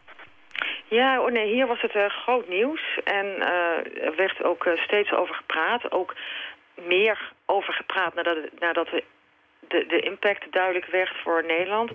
En het idee aanvankelijk was van... waarom zijn de Nederlanders niet wat, wat feller? Wat zijn ze toch naïef? Hè? Dat is een beetje het gevoel van dat, dat Nederland naïef is... En in Amerika heerst veel meer wantrouwen, ook tegenover de Sovjet-Unie, tegenover uh, Rusland. Um, hier is veel meer het besef dat, er, dat, je dat je in een constante staat van oorlog leeft. Elke dag wel oorlog op de televisie. Dit is er natuurlijk één van. Dus oorlog is veel dichterbij. Um, er wordt veel ge, ge nagedacht over, over Poetin als, als wat is zijn strategie. En nou, hij heeft gezegd dat het grootste drama van de vorige eeuw was het uiteenvallen van de Sovjet-Unie. En uh, ze zien dit toch in eerste instantie als een, als een, ja, als een agressieve staat, daad tegen de wereld. Dat werd wel wat milder en uh, daaruit ontstond groot respect voor uh, de manier waarop de regering dat aanpakte. En, en had van nou in eerste instantie moeten de, lichamen terug naar Nederland. En, en, en dat eindigde eigenlijk in een soort heel diep respect voor de manier waarop wij met rouw omgingen. Dat werd toen het onderwerp van gesprek. De, de, de vele mensen langs de, de snelwegen ja. op de viaducten en de, de lange stoet Ja. van wagens. Ja, zeg maar de rouwcultuur. Uh, en die zin werd dan ook de link gelegd natuurlijk met uh, 9-11. Omdat iedereen in uh, Nederland wel iemand kende. En dat heeft natuurlijk te maken met een soort schaal hè, waarop dingen gebeuren. En dat was natuurlijk in Amerika zo in, uh, ja, met 9-11, dat je iedereen wel iemand kende. En zeker in New York. In, in New Ja, York nou ja, moet dat absoluut zo zijn geweest. Ja, ja, dat is natuurlijk wel weer iets minder in, in Californië en zo. Maar nee, dat is waar. Dus dat, uh, dat is dan het, het gevoel van je bent, je bent er deel van. Het, het is in je, in je backyard. Ja. Nu we het toch over uh, 9-11 hebben, want, want dat was het eigenlijke onderwerp waar ik het over wilde hebben. Het uh, Memorial Museum, dat is al een, tijdje terug geopend. Aanvankelijk heel veel verschillende reacties. Mensen die het mooi vonden, maar ook heel veel nabestaanden die beledigd waren. Of, of die het, die het uh, onpasselijk vonden. Of uh, dat soort dingen. Jij bent er geweest. Hoe vond je het? Ja, ja, ja. Ik ben er uh, naartoe gegaan om. Want ik wilde natuurlijk toch ook wel zien en, en meemaken hoe dat is. En uh, ik, ik, ja, ik, ik, vond het een, een, niet een fijn monument, voor zover je dat van een monument verwacht, zo'n monument. Um, wat, wat ik zoek, denk ik, en wat me, mensen om mij heen met wie ik was ook zochten, is een soort troost, um, een soort dichterbij komen. En dat wilde eigenlijk maar niet lukken. Ik vond het niet mooi, ik vond het eigenlijk vrij gruwelijk. Je hebt daar dus die twee watervallen die daar uh, zeg maar heel, heel groot in, precies waar die fundamenten zijn van die twee torens. Uh, en dat, ja, ik ervoer dat alsof het gewoon twee open graven waren waarvan de kist maar niet wilde komen. Heel kil, heel koud. Uh, het nodigt ook niet uit om, om met elkaar ja, in contact te gaan, met elkaar te praten. Ik vond het, nee, ik vond het een, een, niet een, een fijne plek om om, om bij deze ramp stil te staan. Nou is eigenlijk het, het, moeilijke aan dat Memorial Museum, met twee woorden, Memorial en Museum, dat aan de ene kant wil het aan komende generaties duidelijk maken hoe erg die dag was, de, de horror overbrengen. Tegelijk wil het troost brengen aan nabestaanden. En eigenlijk zijn die twee missies moeilijk te verenigen, want als je de horror benadrukt, daar gaat weinig troost van uit. Ja, nou ja, dat is precies denk ik eh, de spijker op zijn kop. Van eh, als je troost zoekt, daar zit natuurlijk ook een soort van, eh, in mijn gevoel, in mijn beleving, een soort van vergiffenis in. En ik denk dat vergiffenis vrij ver te zoeken is als het gaat om dat 9-11 Memorial. Of in ieder geval berusting. Als het dan geen vergiffenis is, dan, dan moet Ja. een zekere rust toch wel aanwezig Ja. zijn om tot troost te komen. Ja, maar dat vond ik ook helemaal niet in, die, eh, in dat memorial. Ik vond helemaal geen... Ja, misschien wel in die, in, die, in die watervallen. Dat is misschien wel een soort van... Maar bijvoorbeeld in dat museum, hè, dat is dan, dan ga je echt eh, naar die fundamenten van, van, van, van dat gebouw, van die Twin Towers. En daarnaast, nou, dat, dat, daar vond ik geen berusting. Het is eigenlijk een schreeuw om hoe... eh, wat een wat een, wat een aanklacht van het is, wat noem je dat, een, een- wat een vreselijke gebeurtenis het zijn. Het, nee, nee, nee. Ik vond het een schreeuw van eh, hoe erg het was en eh, helemaal geen berusting. En dat is eigenlijk, eigenlijk gek, omdat ze in Amerika juist zulke prachtige gedenktekens hebben. Eigenlijk wel een, een veel rijkere traditie waar het gaat om publieke troost dan wij in Nederland.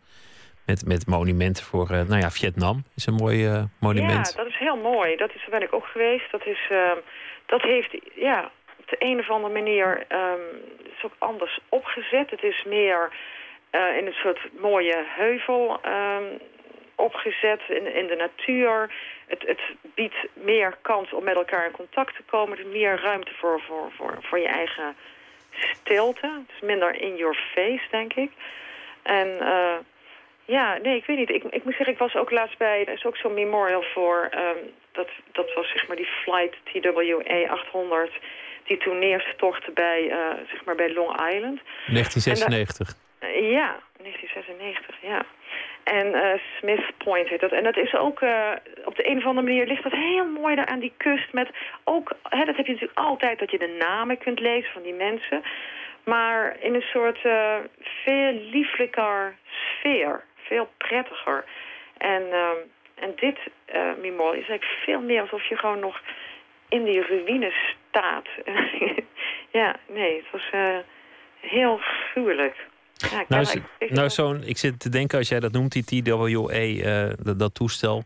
Dat een mooi monument is natuurlijk is mooi voor de nabestaanden. Maar weten hoe het nou zat, is, is denk ik veel belangrijker. En, en in, in het geval van dat toestel blijft toch altijd die, die verdenking en die speculatie dat het misschien ook wel een verdwaalde raket was. Ja. En zolang je dat niet weet, lijkt troost me veel moeilijker. En wat heb je dan aan een monument? Dat heb je dan een monument. Nou ja, wat je, wat je zoekt eh, is, eh, en ik denk ook dat mensen dat zoeken bij, eh, in, waar die Twin Towers stonden. Je zoekt naar een plek waar je bij elkaar kunt komen. Ik denk juist om over dit soort dingen ook te filosoferen. En, eh, ehm, want een van de dingen bijvoorbeeld die, die daar ook te zien zijn, is een soort raampje. Wat ehm, eh, uit die vlucht, eh, echt die vlucht die daar eigenlijk in die Twin Towers vloog. En eh, zo'n gebroken glas wat er eigenlijk weer uit is. En dat is natuurlijk wel heel, heel confronterend, maar ook wel heel mooi. Hè? Wat, wat zagen die mensen die... Ik denk dat dat goed is. Je wilt een soort reflectie. En eh, misschien is het wel gelijk wat je in het begin zei. Wat zoek je daar eigenlijk? Zoek je naar troost, vergiffenis, reflectie? Of zoek je juist antwoorden op vragen? Ehm, ja, nou ja, zolang dat, je dat niet weet... is het natuurlijk een hele dubieuze plek. Ik ben benieuwd hoe dat, eh, maar dat is allemaal voor veel later eh, zorg of dat in Nederland gaat gebeuren. Een, een monument en waar en, en hoe. Maar dat, dat komt allemaal veel later. Er zijn grotere problemen, meer urgent op dit moment. eerst de rouw en die lichamen en, en, en, en de vragen beantwoord. En, en, en dan kan je daarover nadenken. En, eh, en ik hoop dat als we daar aan toe zijn als Nederland... dat dat een hele fijne plek wordt waar... waar Troost het vanuit gaat Ja, ja ik, ik zoek altijd toch eh, naar troost en verzoening om weer verder te kunnen. Het leven gaat natuurlijk door. En eh, hoe hard dat ook klinkt, maar dat is natuurlijk ook wel weer het mooie. En je wil iets meenemen van wat er gebeurde. Je wil niet alleen maar stilstaan bij... Bij het verleden en, eh, en het zo doen. Ja, Pia de Jong, dank je wel. En een eh goede avond nog daar eh, in de Verenigde Staten in eh, Princeton. Dank je wel.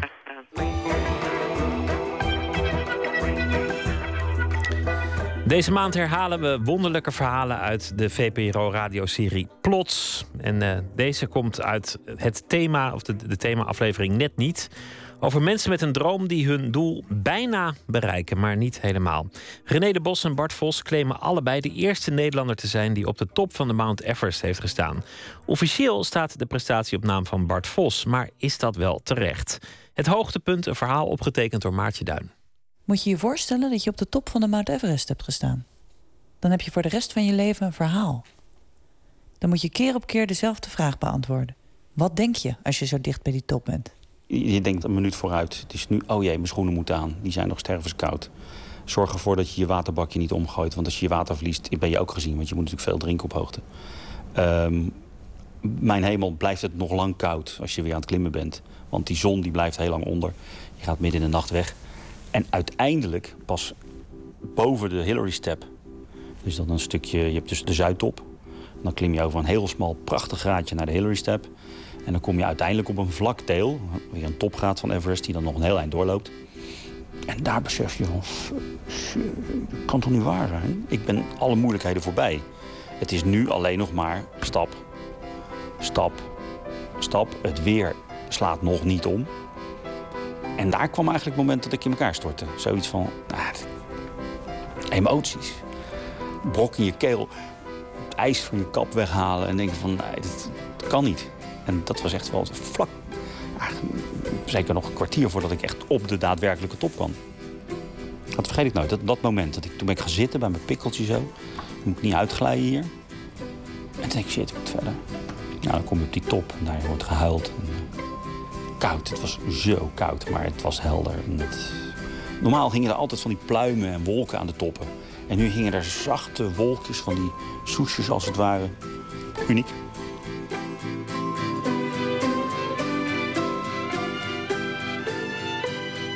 Dit is het verhaal van René de Bos. Een trouw FC Den Haag supporter met een buikje... die aan zichzelf refereert als dat kleine bolle mannetje. Op 7 oktober 1990 staat hij op 8.848 meter hoogte. Vraag hem niet hoe hij hier terecht is gekomen. Want dan zegt hij... Het is een heel saai verhaal, wil je het echt horen? Of... eh? Oké, kort dan. René is biochemisch analist in die tijd. En bergbeklimmer in de weekends. Hij wil eigenlijk naar de Garsebroem in Pakistan dat jaar. En meldt zich aan bij een Franse expeditie. En toen kreeg ik een paar maanden later een briefje van... eh, we gaan niet naar Pakistan, maar we hebben een permit gekregen. Toen stond je nog op een lijst om... Dus die permits, ja, je moest een soort wachttijd. Hè? Je kon niet met alle teams tegelijk naar Everest. En toen ehm, kregen ze een permit voor Everest. En zei ik, nou, dat kan ik niet betalen. Dus. En Everest was ook totaal niet op mijn netvlies. Hoezo was Everest niet op jouw net? Omdat ik niet die ambitie had om zo nodig naar de top van de wereld te gaan. Maar Nepal, dat sprak me al jaren aan. Daar moest en zal ik een keer naartoe. En toen kreeg ik dat formuliertje. Toen werkte ik nog in het Zuiderziekenhuis dus. En ehm, ja, ik denk, dat was toen iets van 100.000 Franse francs. Wat uitkwam op 33 met kosten en alles erop en eraan 35.000 gulden. Dus ik heb dat foldertje weggegooid. En als het oud papier, bij wijze van spreken, een week eerder was gekomen... dan was ik misschien niet eens naar de Everest gegaan. Toen dacht ik op een gegeven moment in het ziekenhuis, ging ik erover praten. zei een, eh, een arts waar ik voor werkte, die zei van... Joh, kunnen we nog geen sponsoring voor je krijgen? En die is gaan lobbyen. Toen kwam er een beetje sponsorgeld los. Toen heb ik dat foldertje gauw uit de oude kranten gehaald. En gezegd van, joh, mag ik mee? Toen zeiden ze, oh, je bent diegene van toen, ja. Kom eens een keer langs. Weet je, hier in de, bij de Alpenvereniging kwamen zelfs eh, opmerkingen in, de, in een van die... Toen de tijd de hoogtelijn, nee, hoe heet het nu? Hoogtelijn, toen de tijd de bergvriend of bergids. In het nieuws heb je zo'n kolom. En er stond er iets van... eh, oh, by the way, er schijnt ook een Nederlander op Everest onderweg te zijn. Puntje, puntje, puntje. Ze wisten niet eens wie ik was. Helemaal niks. Dat vond ik ook prima. Weer dat, dat strookt ook wel met het verhaal. Everest kwam op mijn weg en ik ging gewoon er tussenuit. En ik ging met Fransen. Dus Nederlanders wisten het amper. Let op, we hebben dus twee dingen. De Everestbeklimming en het verhaal over de Everestbeklimming. Een verhaal dat niet helemaal strookt met het beeld dat René van zichzelf had. Want ik ben van mening, en dat is totaal in tegenstrijd met wat sommige anderen zeggen... dat je ook heel veel kan genieten van een expeditie... ook al duurt die zelfs twee maanden, als je de top niet haalt. Maar op het moment dat je dan echt daar bent... denk je van, nu kan ik echt gaan vertellen dat ik het gehaald heb. Want dan is natuurlijk die Nederlander die, zoals het in de, de bergvriend van de NKBV stond, KNV... er schijnt ook een Nederlander op Everest te klimmen op het moment... Nee, die blijkt opeens op die top te staan. Dus al die, die, die puzzelstukjes, als het ware, die vallen in elkaar van... Yes, fuck, het is Everest, man. Die staat op het allerhoogste punt van de wereld.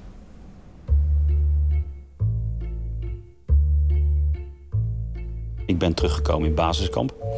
En ehm, heb daar met mijn asgrauwe gezicht en vermoeidheid eh, in basiskamp gezeten, opgeknapt.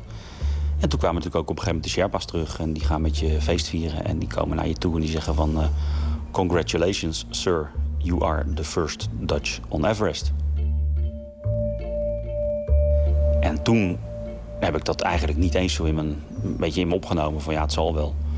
En toen zei ik ook van ja, god, eh 84 is er toch een expeditie geweest die zegt geslaagd te zijn. No, no, sir. The other one was a big liar. We all know. In 1984 staat Bart Vos als eerste Nederlander op de Mount Everest. Maar vrij snel na zijn terugkeer gaan in het alpine wereldje geruchten rond. Het verhaal van Vos zou niet kloppen. Hij heeft geen foto's van zichzelf op de top en hij liet er ook niets achter. Toen jij met die eh, Everest-beklimming bezig was, had je niet het idee van moment. ik zou wel eens de eerste Nee, Nederlander. Never, never ever. Nee. Ik, vaag waren mij geruchten bekend. Maar wat moest ik daarmee? Ik had Everest beklommen. En dat gevoel van... Congratulations, you're the first Dutch on Everest. Ja, dat was mooi. Maar wat moest ik er verder mee? Ik kon toch niet bewijzen dat Bart Vos er niet gestaan had? Met dat idee komt hij terug in Nederland. En met een schuld van 15.000 gulden. En uiteindelijk heb ik nog jarenlang dat gewoon afbetaald. Met lezingen uiteraard over Everest. Met mooie plaatjes, een mooi verhaal, anekdotes. Genieten van de bergen en op de top komen. Met gevoel, met mooie muziek. Maar nooit met het idee van aan het eind... zo, heeft u genoten allemaal, dank u wel voor het applaus. En by the way, ik ben de eerste, hè, dat weet u toch wel. Nou, Ondertussen heeft René zijn vrouw ontmoet. Hij zegt zijn baan in het ziekenhuis op en begint zijn eigen reisorganisatie. Maar in het Nederlandse klimwereldje hoort hij er nooit echt bij. Op feestjes merkt hij dat Bart Vos en hij nooit samen zijn uitgenodigd. Pas jaren later spreken ze elkaar voor het eerst. de oppadbeurs die bestond toen nog in Den Haag hier. En daar liep Bart Vos, die deed daar een lezing. En eh, ik zag hem en ik ken hem van gezicht. Dus ik zei, hé hey Bart. En hij draaide en weer zijn kop om. En dat vond ik zo kinderachtig. Dus het eind van die dag was er borrel op de oppadbeurs. En ik zie Bart Vos staan met een biertje, een sigaretje. En ik denk, goh, wat staat hij daar triest alleen. Dus ik ben naar Bart toe gegaan.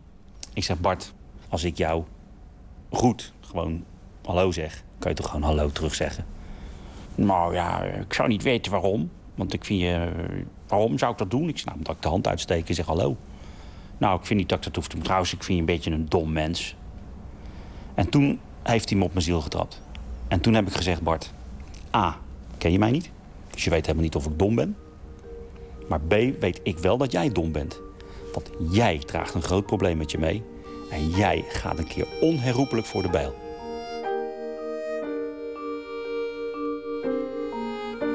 Vier jaar later, in 2001, komt het boek 1 meter Everest uit.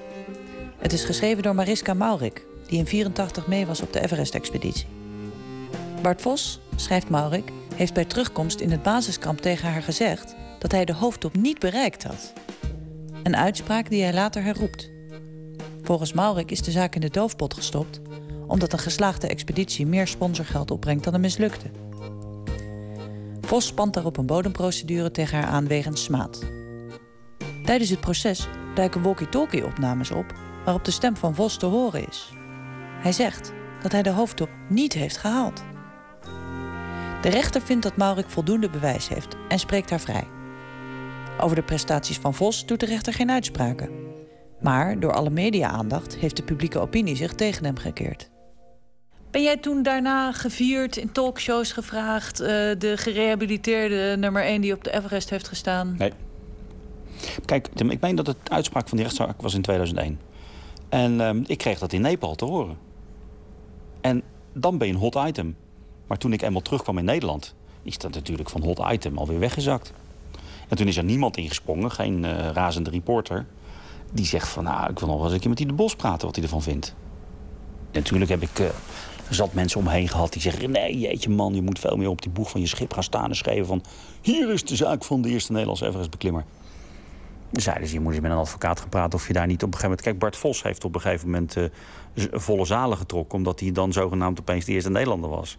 En toen zeiden ze van ja, als jij dat dan had gedaan, toen je die Everest had beklommen, had je gelijk die schuld af kunnen betalen. Weet je, puur uit geldelijk gewin bijvoorbeeld. Nou, zo zit ik niet in elkaar. Nee, zo zit ik gewoon in elkaar. Tegelijkertijd was het toch ook wel een gevoel van, nou, zo is het goed. Bart is ontmaskerd en ik ben nummer één klaar. Dat is maar ten dele officieel erkend. De Nepalese Klimmersbond heeft Vos van de lijst succesvolle klimmers geschrapt. Daar staat René nu als eerste Nederlander vermeld. Maar in Nederland geldt de NKBV, de Koninklijke Nederlandse Klim- en Bergsportvereniging, als het hoogste orgaan. En die hanteren als erecode: we geloven een klimmer op zijn woord. En hoe belangrijk is die erkenning van de Vereniging voor Bergsport voor. In Nederland? Nou, geen idee. Weet je, als je het heel sec bekijkt, dan zou je dus moeten zeggen van... er moet zo meteen in de encyclopedies komen staan... René de Bos, eerste Nederlands Everest-beklimmer. Dat staat nu ook op websites en overal. Maar dat moet zo de historie in. Want zo is het. Jij gaat de boeken in? Dat is een goede vraag. Weet ik dus niet. Als de NKBV wordt als hoogste orgaan in Nederland wordt uh, gezien... en die zeggen we blijven Bart Vos geloven... dan zal ik wel de tweede blijven. Het ging, het, ging, het ging pas echt weer oprakelen op de oppadbeurs. Misschien was dat wel in 97. Waar Bart stond en me zo voor dom mensen uitmaakte. En toen dus de affaire Mariska Maurik. En toen dacht ik wel steeds vaker van... Jezus, wat is mij toch eigenlijk lange tijd een oor aangenaaid. En dat heeft mij wel op bepaalde momenten in, in een, uh, een soort van boosheid gebracht. Van ja, jeetje, het is toch God geklaagd dat mensen hem blijven geloven. En ik gewoon de eerste Nederlander ben. Weet je wat daar direct bij mij bij opkomt? Maar ik heb een heel gelukkig leven. Een schat van een vrouw, schatten van kinderen. Bart is gescheiden. Hij heeft uh, wat minder leuk leven gehad. Hij kwam ook altijd wat triest over. Hij heeft altijd met het probleem geleefd. Moet je je voorstellen dat je dat dag in dag uit moet doen. Lijkt me niet leuk.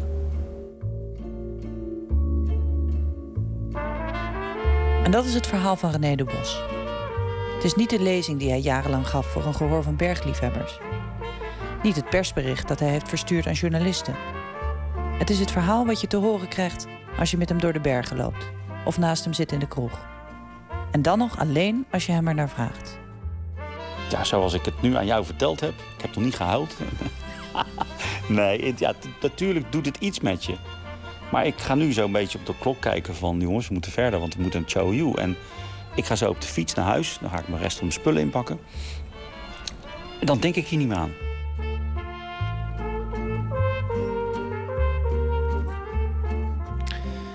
Het hoogtepunt, een verhaal gemaakt door Maartje Duin. Meer verhalen via de website vpro.nl slash plots. Dit was Nooit meer slapen voor deze nacht. Morgen zijn we er weer. Dan eh, komen journalisten Dominique van der Heijden en Annette de Jong langs. Die schreven een politieke thriller. Voor nu een hele goede nacht en graag weer tot morgen. Op Radio 1, het nieuws van alle kanten.